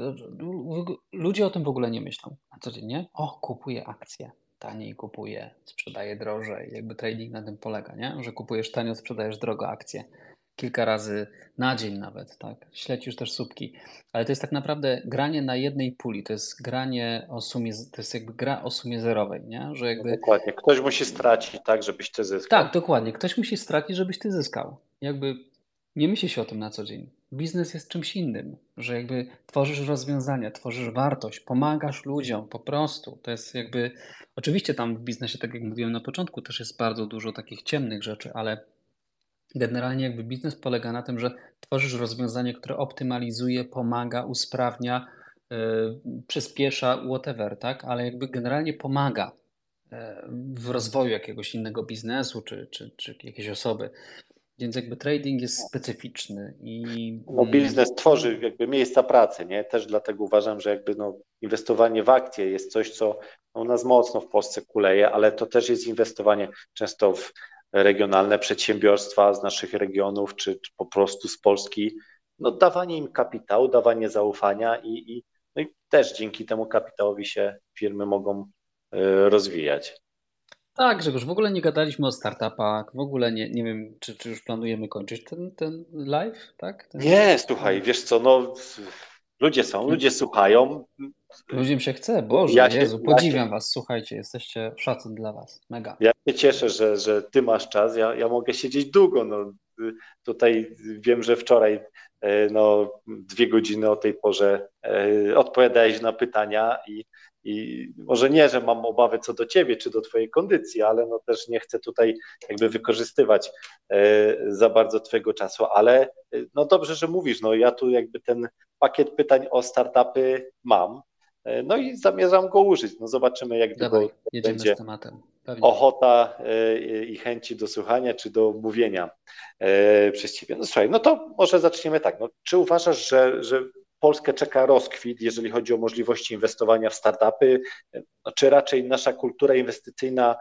jakby nie pozwoli, czy nie pozwala jakby na, na duży rozwój tego sektora inwestycyjnego, jakbyś mógł tak to ująć? O, w ogóle to ja na temat startupów to się nie chcę za bardzo wypowiadać, bo, bo mam same złe rzeczy do powiedzenia. I jako inwestor, jako osoba, która współpracuje z funduszami VC i tak dalej, i tak dalej. E, dla wszystkich, którzy są zielonymi w temacie. Startupy to jest jakby taki specyficzny temat. Możecie sobie budować startupy w swoim jakby obszarze, jakieś nowe firmy i macie dwa sposoby finansowania. Znaczy, no więcej oczywiście, tak, ale jakby takie najbardziej popularne to jest albo się bootstrapujecie, tak jak ja, że jakby macie kapitał z innych spółek, z innych źródeł, 3F, e, 4F, jak to nazywają, tak, czyli, czyli tam taki początkowy seedowy E, seedowe pieniądze, które dostajecie od rodziny, od znajomych i rozwijacie ten startup, albo jakby pozyskujecie te, to finansowanie, ten kapitał od inwestorów, takich fachowych, nie? czyli na przykład taki powiedzmy Dawid y, mówi, o ja mam górę pieniędzy i mogę wydać te pieniądze na jakieś fajne, ciekawe pomysły biznesowe. I to jest spoko generalnie, jeśli założycie, że wasz startup będzie się dzięki tym pieniądzom, pieniądzom gigantycznie i fantastycznie rozwijał. Ale niestety w Polsce ten temat jest jeszcze bardzo, bardzo, bardzo niedojrzały. Bardzo niedojrzały. W Stanach Zjednoczonych bardzo popularne jest jakby poza rynkiem nieruchomości, który jest tam już bardzo dojrzały. W Polsce też jakby już jest dosyć dojrzały. W Stanach Zjednoczonych bardzo popularne jest, że się kupuje biznesy. Kupujesz, sprzedajesz biznesy. To jest jakby mm, sposób na pozyskiwanie kapitału, revenue, przychodu itd. Tak itd. Tak w Polsce, kurczę, to jeszcze jest trochę takie, takie, tak jak ja mówię często, że to jest jak ludzie patrzą na to jak na tarantulę na torcie, że to jest jakby kupowanie biznesu, proszę pana, to jest takie jakieś dziwne, nie, w ogóle nie, nie, nie czuję tego, nie? I jakby mm, w Polsce ten, to, to kupowanie biznesu i sprzedawanie to jest jakby jeszcze coś bardzo, bardzo mocno obcego. Dlatego no, wytwarzają się gigantyczne patologie. Polski rynek startupowy w tym momencie istnieje na zasadzie takiej, że e, PFR jakby dostał pieniądze jakby od rządu, że no PFR to jest jakby spółka rządowa, która dostała pieniądze rozdzielone na ileś tam funduszy VC, które powstały do rozdysponowywania tych pieniędzy. Każdy z funduszu VC dostał jakąś tam ilość, z 20 milionów i jakby te, te pieniądze mogą sobie rozdysponować na jakieś startupy. I niestety stworzyło to ogromny rynek patologii w Polsce, dlatego że te fundusze VC, które najczęściej są zbudowane z jakichś tam chłopków, roztropków z różnych e, firm, biznesów itd., tak itd., tak zaczęli kupować sobie udziały w spółkach, startupach itd., tak itd. I mm, jakby ci ludzie nie mają pojęcia tak naprawdę o inwestowaniu w startupy. Nie mają pojęcia o tym, żeby kurde inwestować. Generalnie jakby inwestowanie w startupy jest mocno ryzykowne, bo jak wiecie 95% biznesów pada. Pada po prostu. Więc jakby inwestowanie w startupy jest mocno ryzykowne. E, te pieniądze z, kapitału funduszu państwowego są rozdysponowywane po te startupy. Czasem się uda, czasem się nie uda. E, to jest mocno zielony rynek, e, mnóstwo patologii, które jakby pojawiają się na tym rynku. No kurczę, no jakby startupy też w ogóle nie wiedzą, co z tymi pieniędzmi robić, bo to są często młodzi ludzie, którzy dostają te pieniądze, nagle wpada im milion złotych i Jezu, co z tymi pieniędzmi zrobić? Gdzie tu jechać? Na jakie wyspy? Ja sam mam e, taki startup, który zebrał naprawdę piękną rundę. Piękną rundę. Chyba półtora, dwa miliony od takich takich topowych inwestorów w Polsce i e, znam foundera, który ten startup założył. Przepraszam. I, e, I, tak, najpierw siedział przez chwilę, przez dwa tygodnie w, w Madrycie, potem przez dobre dwa miesiące sobie siedział w Meksyku, no sobie jeździł po świecie i tak dalej, i tak dalej. I tak rozdysponował te pieniądze, roztrwożył te pieniądze, nie zbudował zespołu, nie zbudował biznesu. No i na tym się skończyło, tak? Ten startup się rozjechał. A ten founder co z tym jakby kątem mówi, no słuchajcie, no nie wyszło, no sorry, no starałem się, robiłem wszystko, co w mojej mocy. No także słuchajcie, zamykamy ten temat. No i ja teraz jestem tam przez jakiś inny startup zaproszony, jako osoba, która jakby z sukcesem jakby tutaj e, uzyskała te pieniądze. No i bym chciał teraz tamten temat rozwijać. A my mówimy jako inwestorzy, no, no fucking way, no co ty stary, kurde, wziąłeś nasze pieniądze i teraz co chcesz z tym zrobić?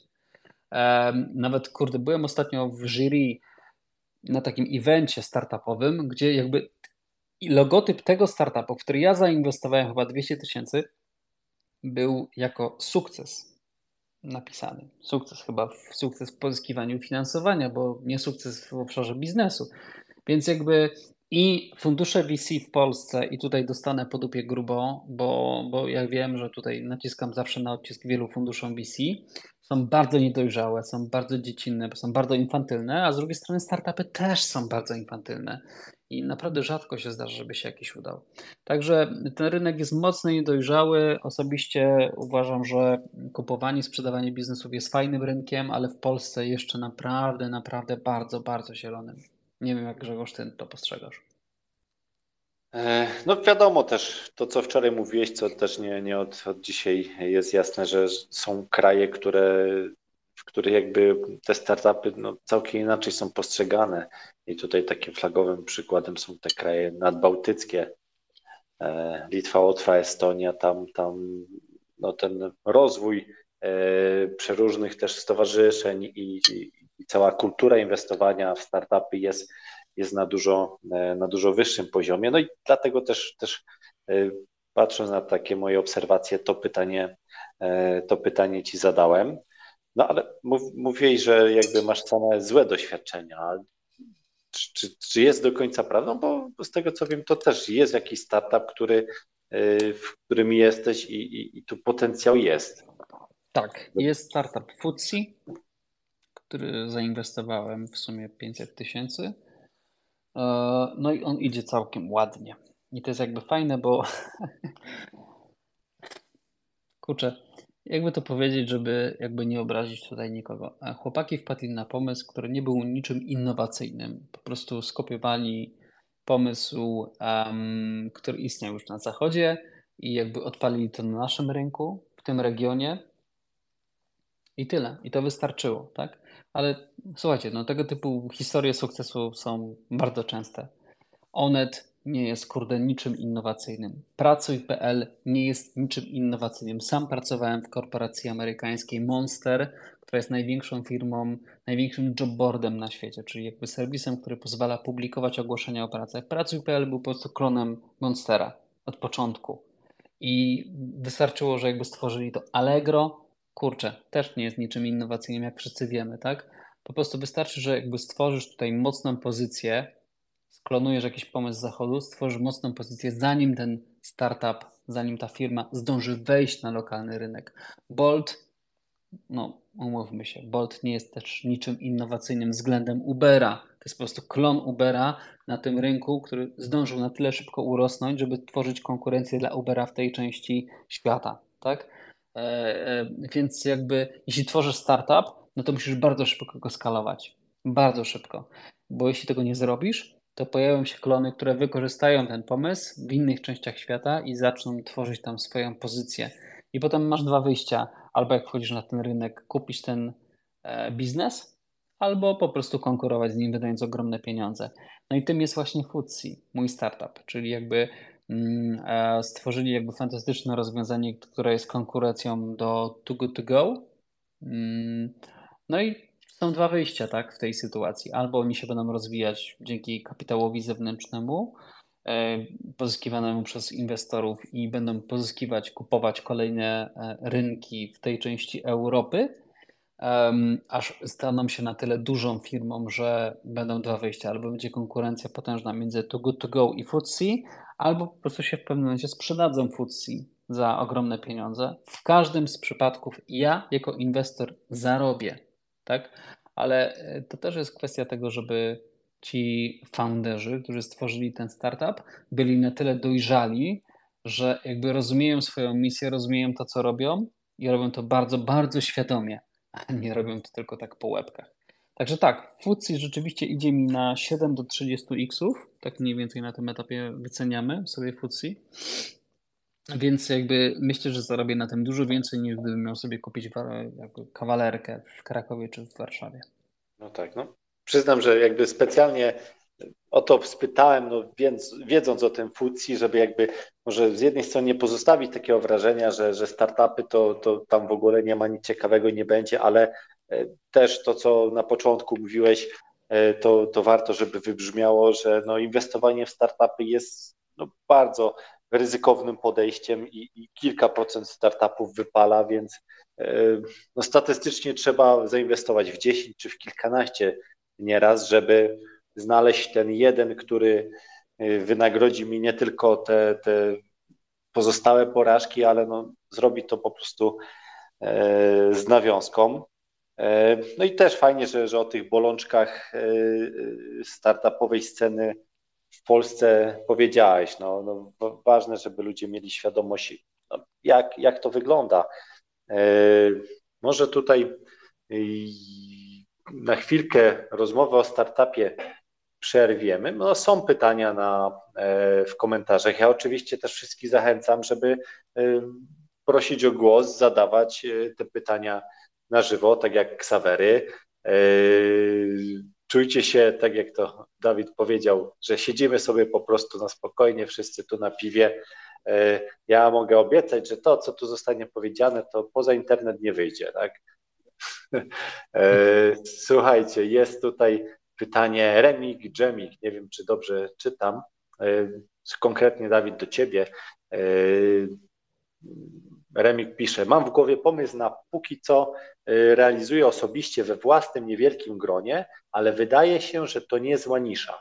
Jak szybko i skutecznie wyskalować ten pomysł i rozszerzyć sieć usług rękami podwykonawców na województwo, a później na cały kraj i nie stracić i tu dalej pisze kontroli oraz zadbać o powtarzalność jakości z całą dbałością o klienta. O kurczę, biznesplan będziesz, y, Dawid, pisał. No, jakby to są rozwiązania, o których ciężko mi mówić, tak? Bo jakby ja nie jestem w stanie jakby doradzić y, jakiejś osobie, jeśli dokładnie nie rozumiem jakby biznesu, bo owszem, ja mogę doradzić konkretnie jakiemuś biznesowi, ale muszę zrozumieć go od podstaw, tak? Każdy aspekt jakby tego biznesu. Jeśli, jeśli nie rozumiem, to nie jestem w stanie jakby doradzić, więc wybacz, e, ale jakby no, dopóki nie zrozumiem dokładnie, jak działa ten biznes, na czym jakby polega jego pomysł, e, jak on ma się rozwijać, to nie jestem w stanie jakby doradzić. E, także tutaj Remik, bardzo dziękujemy za pytanie. No, Dawid zawsze chętnie mówi, że napiszcie do niego wiadomość, czy, czy przez Twittera, czy przez inne i jeżeli będzie więcej konkretów, no, no postara, postara się odpowiedzieć, ale, ale no przy takiej małej ilości danych no ciężko, ciężko jakby coś konkretnego e, powiedzieć. E, patrzę, czy są jakieś e, tutaj nowe pytania z sali, że tak powiem. E, w komentarzach, e, tu może do tego, co Ksawery napisał, jeszcze e, wrócimy. Tutaj Fabian jakiś czas temu pisał odnośnie źródeł wiedzy, ale myślę, Fabian, że, że tutaj mówiąc o książkach, już, już Dawid trochę o tym odpowiedział. Też tak miałem nadzieję, że, że to pytanie, które prawie zawsze chyba do ciebie trafia, jakie książki polecasz i tak dalej, że tutaj nie padnie, no, no też było. E, dlatego, dlatego może nie będziemy się na razie w to e, zagłębiać. E, wracając do startupów.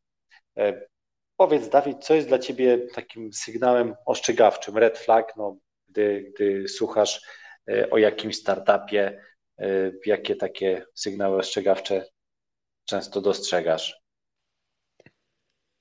O, to znaczy, ja też jakby staram się inwestować w startupy, które rozumiem i to często powtarzam. I to jakby nie jest nic nowego, to jest coś, co Warren Buffett powiedział swego czasu, że on nie inwestuje w rzeczy, których nie rozumie. I Warren Buffett też, czy Charlie Munger razem jakby z całym swoim e, funduszem nie inwestowali nigdy w, w startupy, których nie rozumieli, więc jakby przez wiele lat nie inwestowali w spółki technologiczne takie jak Apple i tak dalej, bo po prostu ich nie rozumieli. Więc jakby w moim podejściu jest to samo. Ja nie inwestuję na przykład w medtech, y, nie inwestuję w fintech, bo jakby nie rozumiem pewnych procesów, które tam zachodzą. Chociaż szczerze mówiąc, mam jedną spółkę taką trochę fintechową. E, natomiast jakby nie, nie, staram się nie inwestować jakby w, w takie rzeczy. E, natomiast czerwonymi flagami dla mnie zawsze są founderzy. Jak, jakie podejście mają founderzy do budowania biznesu i jakby tego nigdy się nie da przewidzieć do końca. Tego nigdy nie da się, tak jak na przytoczonym przykładzie, że jakby mam taką inwestycję, gdzie founder sobie po świecie jeździ za pieniądze inwestorów mm, i tłumaczy, że jakby on jest w stanie budować biznes z każdego miejsca na świecie. No, trudno to tak naprawdę jakby zweryfikować na samym początku, więc jakby staram się szukać jakby takich ciekawych biznesów, które są oparte przede wszystkim na pewnym ciekawym pomyśle na biznes, a nie już w tym momencie na przewadze technologicznej. Ktoś do mnie przychodzi i mówi, słuchaj, ja mam taką technologię, która jakby to i to i tamto i tamto. To ja sobie myślę, kurczę, no fajnie, ale to by zadziałało dwa lata temu, tak? No to, kurczę, słuchajcie, popatrzcie, mm, ChatGPT wymiata rynek w tym momencie. Naprawdę przemodelowuje rynek. Ja już to mówiłem dzisiaj, powtarzam jeszcze raz. Um, kilka lat temu bardzo popularne były startupy, biznesy, które specjalizowały się w tworzeniu e, takich e, tych czatów, że, że jakby wchodzicie na stronę jakiejś tam firmy i tam się pojawia czat, że o, cześć, dzień dobry, dziękuję, że wszedłeś na naszą stronę i tak dalej, i tak dalej, i tak dalej, i tak dalej. I jakby te czaty były oparte na pewnej ilości pytań, które można zadawać, one odpowiadały i tak dalej, i tak dalej. I w tym momencie ChatGPT, ja popełniłem taki duży post na LinkedIn na ten temat. ChatGPT na przykład już stworzył takie rozwiązanie, które pozwala tobie budować dowolny czat, który jest specjalistą w dowolnej dziedzinie. Możesz sobie go zaimplementować na własną stronę internetową. Jak masz stronę, bo jesteś hydraulikiem, to na przykład ktoś wchodzi na twoją stronę i tam może się pojawić czat hydraulika, tak? Że to, o, przepraszam, zapchał mi się kibel, za przeproszeniem, tak? O, i ten jakby czat jest już tak wyszkolony w obszarze hydrauliki, że jakby on ci odpowie kompetentnie na to, na co jakby ty chcesz jakby zapytać. Więc jakby tego typu biznesy no, w tym momencie nie mają racji bytu, bo jakby będą padać. Więc jakby ten chat GPT E, i cały OpenAI jako spółka będą bardzo, bardzo, bardzo mocno przemodelowywać rynek startupowy, więc e, no jestem bardzo uważny na to, co się dzieje i staram się inwestować raczej w takie teraz klasyczne biznesy, aniżeli biznes oparty na przewadze technologicznej. Jasne. Powiedz jeszcze, bo czasami ludzie mają różne jakby postrzeganie inwestowania w startupy. Według Ciebie oczywiście, tak? Jakim kapitałem powinno się no, dysponować, żeby w ogóle myśleć o inwestowaniu w startupy? E, no to myślę, że tutaj jakby dolnej granicy teoretycznie nie ma, aczkolwiek jak rozmawiasz z startupami, to najczęściej te kwoty, które padają, taki, taka, taka dolna kwota do inwestowania w startupy to jest od 50 powiedzmy do 100 tysięcy, taki rozsądny, to jest ta, ta dolna granica której jakby oni chcą, żeby inwestować, takie tikety dolne, czyli 50 tysięcy, 100 tysięcy, to jest taki dół mm, i w górę oczywiście. Także no, jeśli ktoś e, powiedzmy nie ma takiego kapitału, a poza tym nie lubi ryzyka, gdzie tak jak cały czas podkreślam, 95% startupów pada, pada a ci te, które jakby dadzą radę, no to jakby są w stanie zwrócić jakby dużo, dużo jakby pieniędzy zainwestowanych w różne nieudane inwestycje, ale mimo wszystko chyba lepiej te pieniądze przeznaczyć na coś bardziej sensownego niż na inwestycje w startupy.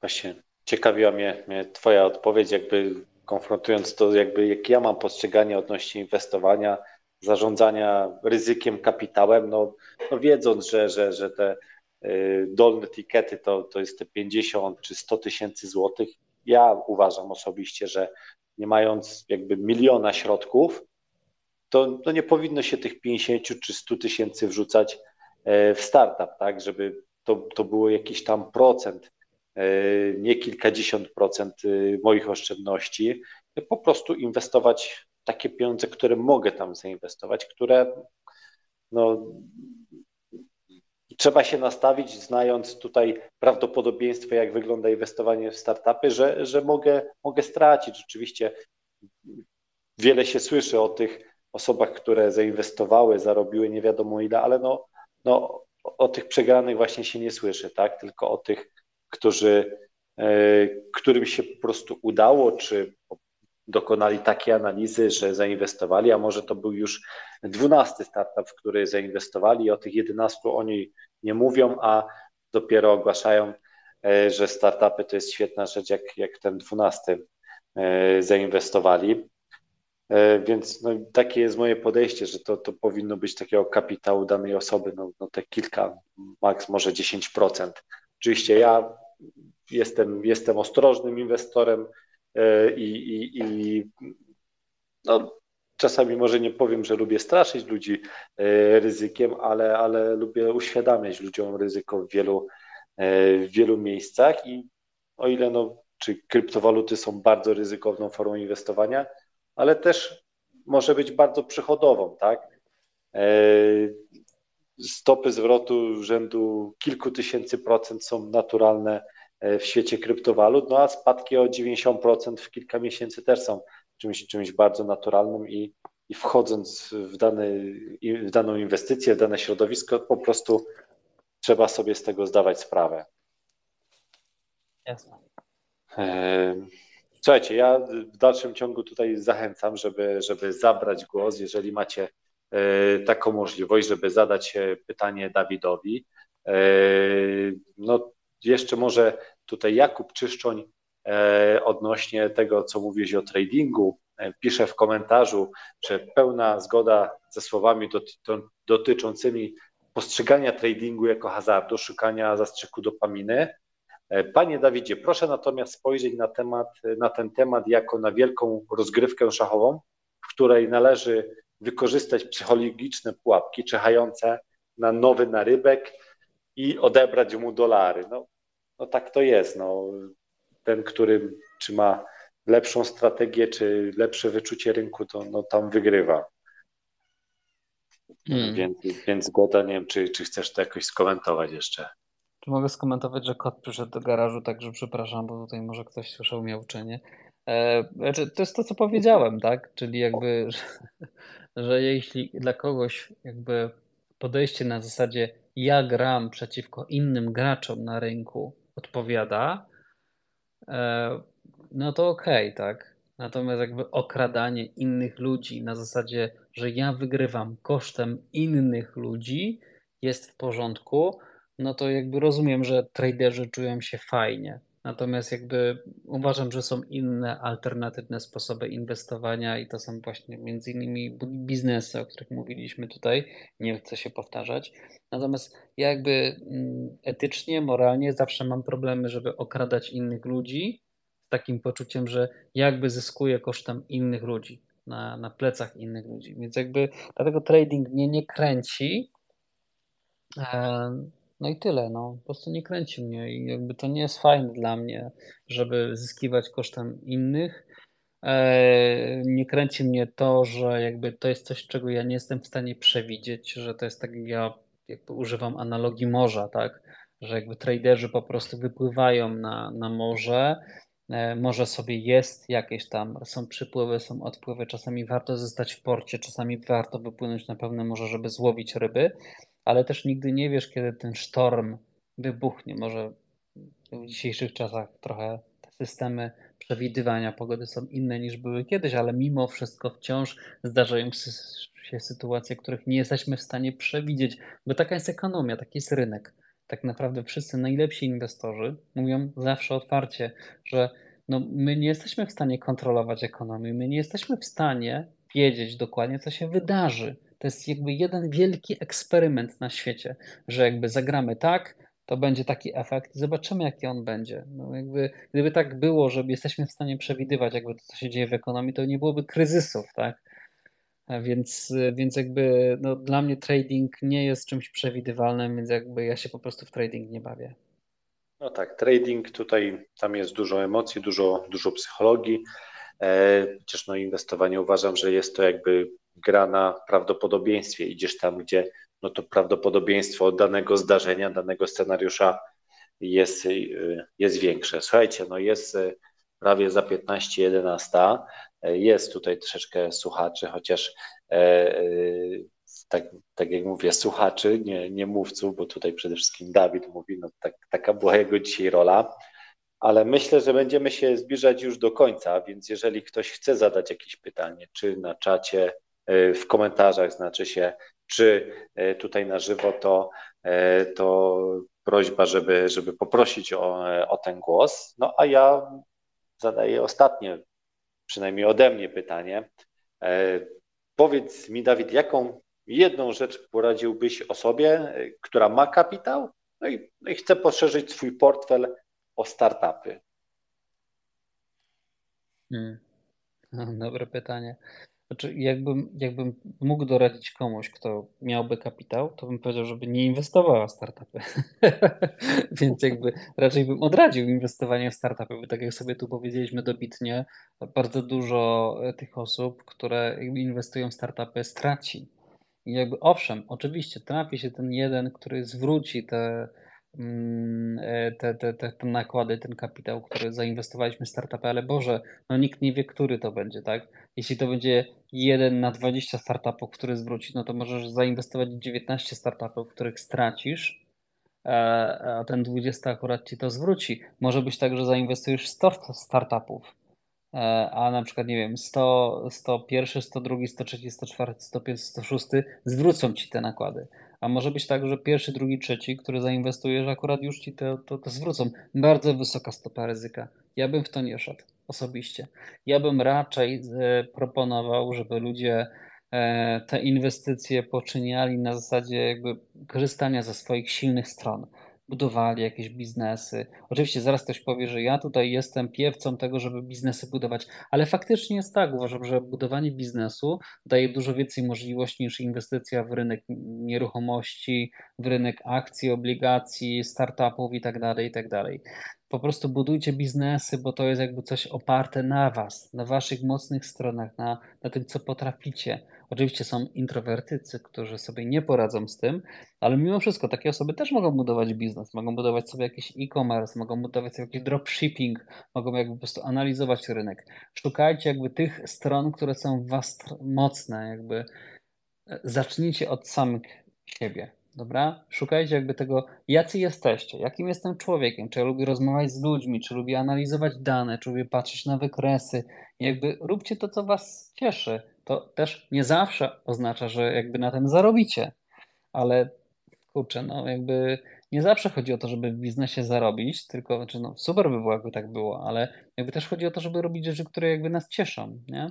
Jeśli jakby cieszą was e, pieniądze, które zarabiacie, a jesteście introwertykami, no to może faktycznie nie, nie róbcie dropshippingu, nie róbcie analizy danych, tylko zróbcie coś, co jakby wymaga od was wyjście poza jakby swoją strefę komfortu, ale za, za to, że zarobicie pieniądze, bo to jest jakby to wyższe dobro, tak, że chcecie zarobić, pomimo, że nie macie charakteru, żeby robić pewne rzeczy, no to na Boga trzeba coś wybrać, albo się zmusić, żeby robić rzeczy, których nie chcecie robić, po to, żeby zarobić, czyli jakby osiągnąć to wyższe dobro, albo no, róbcie to, co was cieszy, ale nie macie pewności, że to się uda. Także no, ja bym w ogóle odradził inwestowanie w startupy, jeśli mogę. Okej, okay, dzięki. No słuchaj, no nie sposób się jakby nie zgodzić. Ja uważam, że, że jakby statystyki często dużo mówią, wiadomo, jest podejście do statystyki, e, no, musi też być e, w jakiś sposób e, wybiórcze, no ale to usłyszałem kiedyś a propos tego, jak stać się milionerem, no bo niektórzy uważają, że no trzeba w lotto zagrać, tak? E, no jeżeli ktoś da, zda sobie sprawę, jakie tam jest prawdopodobieństwo, że wypadnie szóstka, jest to tam chyba 1 do 13 czy 14 milionów, jakie to jest małe mhm. prawdopodobieństwo. Ja kiedyś usłyszałem, no, że zamiast y, grać y, w lotka, chociaż nigdy nie byłem tego vanem, chyba że, że zaproszono mnie na jakieś wesele, gdzie para młoda poprosiła, żeby im kupić mhm. kupony. To usłyszałem e, kiedyś, e, że najłatwiej zostać milionerem zakładając firmę, bo tam podobno jest prawdopodobieństwo 1 do 10 tysięcy, że twórca jednej, jednej na 10 tysięcy firm takim milionerem zostaje. Czy to jest multimilioner, czy to jest miliarder, no to już ciężko stwierdzić, ale, ale takie, takie są po prostu statystyki, no i ciężko z tym E, dyskutować. Tak samo jak wygląda to ze statystykami, e, jaki procent startupów okazuje się sukcesem albo bardzo dużym sukcesem. Słuchajcie, no myślę, że jest już pora, żeby, żeby tutaj czy powoli kończyć, czy po prostu kończyć. Ja wszystkim, którzy nas dzisiaj słuchali, bardzo serdecznie dziękuję. Dziękuję osobom, które zadały pytanie. No, Ksawery tutaj na żywo z, odważył się zadać to pytanie osobom, które e, w komentarzach zadawały te pytania. E, no przede wszystkim Dawid, Tobie bardzo dziękuję, że, że się zgodziłeś w tej rozmowie wziąć udział. Wiem, że jesteś zajętą osobą, że masz co robić, wiem jakie masz priorytety e, w swoim życiu i no, do tych priorytetów dobrze, że masz teraz niedaleko. Także Dawid, Tobie bardzo serdecznie dziękuję za, za dzisiejszą rozmowę. Mam nadzieję, że no może nie mam nadzieję, mam pewność, że, że, że to dla wielu osób e, będzie coś bardzo cennego, jeżeli czy słuchali na żywo, czy to odtworzą, bo to też, też będzie na różne e, kanały podcastowe ta rozmowa wrzucona. Także słuchajcie, no dobrej nocy Wam życzę. Jest już taka pora, że inaczej trudno e, się tutaj wypowiadać. No a dla osób, które będą to odsłuchiwać, to życzę wszystkiego dobrego i udanych inwestycji. Czy coś, Dawid, jeszcze chcesz na koniec powiedzieć? Tak, bo widzę, że tutaj kurczy się ilość słuchaczy, więc jakby pozwolę sobie jakby jeszcze na zakończenie e, powiedzieć. Bardzo dziękuję wszystkim, którym się chciało być, uczestniczyć, słuchać, e, zadawać pytania. Jak ja byłem młodym chłopakiem, to się słuchało radia. To już niepopularne w dzisiejszych czasach. Słuchało się jakieś listy RMF, Top Bands i tak dalej, i tak dalej. Słuchało się trójki różnych audycji. Czasy się zmieniły, możliwości się zmieniły. W dzisiejszych czasach słucha się właśnie podcastów, słucha się live'ów, ludzi, którzy się wypowiadają na różne sposoby o różnych rzeczach, na różne tematy. Także to jest super możliwość. Także cieszę się, że, że dostałem tę możliwość, Grzegorz, i bardzo Ci dziękuję za nią że, że mogłem też się wypowiedzieć na temat tego, jak budować biznesy. To, co zawsze robię i jakby co zawsze powtarzam, to, to ja to wszystko to robię propublikowano, czyli jakby dzielę się swoją wiedzą, mówię o swoich biznesach i nic na tym nie zyskuję, bo jakby to jakby nie ma przełożenia jakby na moje biznesy. Natomiast jakby jeśli ktoś kiedyś zbuduje biznes na podstawie tego, co ja teraz mówię, czy my teraz mówimy, o czym rozmawiamy, ja będę się tylko cieszył. To, to będzie fantastyczne. I być może będzie tak trochę, że wiesz, na zasadzie nauczyciela z podstawówki. już mało kto pamięta, kto nas uczył w podstawówce, chociaż to były nasze podstawy, podstawy edukacji, ale tego się po prostu nie pamięta, bo to było tak dawno temu, że te osoby, które pierwsze idee, pierwsze myśli w nas ukonstytuowały, już w ogóle są poza jakby gdzieś tam spektrum naszej pamięci, a mimo wszystko to są osoby, które zasługują na mega wdzięczność. Ja będę się mega cieszył, jeśli ktoś będzie kiedyś o mnie pamiętał, że ja mu kiedyś, nie wiem, doradziłem coś fajnego, że pomogłem mu w jakiś sposób nastawić się na budowanie swojej przyszłości. Będę bardzo wdzięczny, jeśli ktoś taki kiedyś tam za 20 lat się do mnie odezwie. Także Życzę Wam wszystkim powodzenia, trzymam za Was kciuki. Jakby co, słuchajcie, możecie śledzić moje kanały. Ja staram się dzielić jak największą ilością dobrych, cennych praktyk biznesowych. No i, no i co, Grzegorz, raz jeszcze dzięki za, za, za tą rozmowę, dzięki za Twój kanał w ogóle, bo on też daje bardzo dużo wartości. No i co, w kontakcie, nie? No, dzięki jeszcze raz, że się tak chętnie dzielisz swoim doświadczeniem i kończymy. Dobrej nocy wszystkim. Pozdrawiam. Cześć. Cześć, trzymajcie się.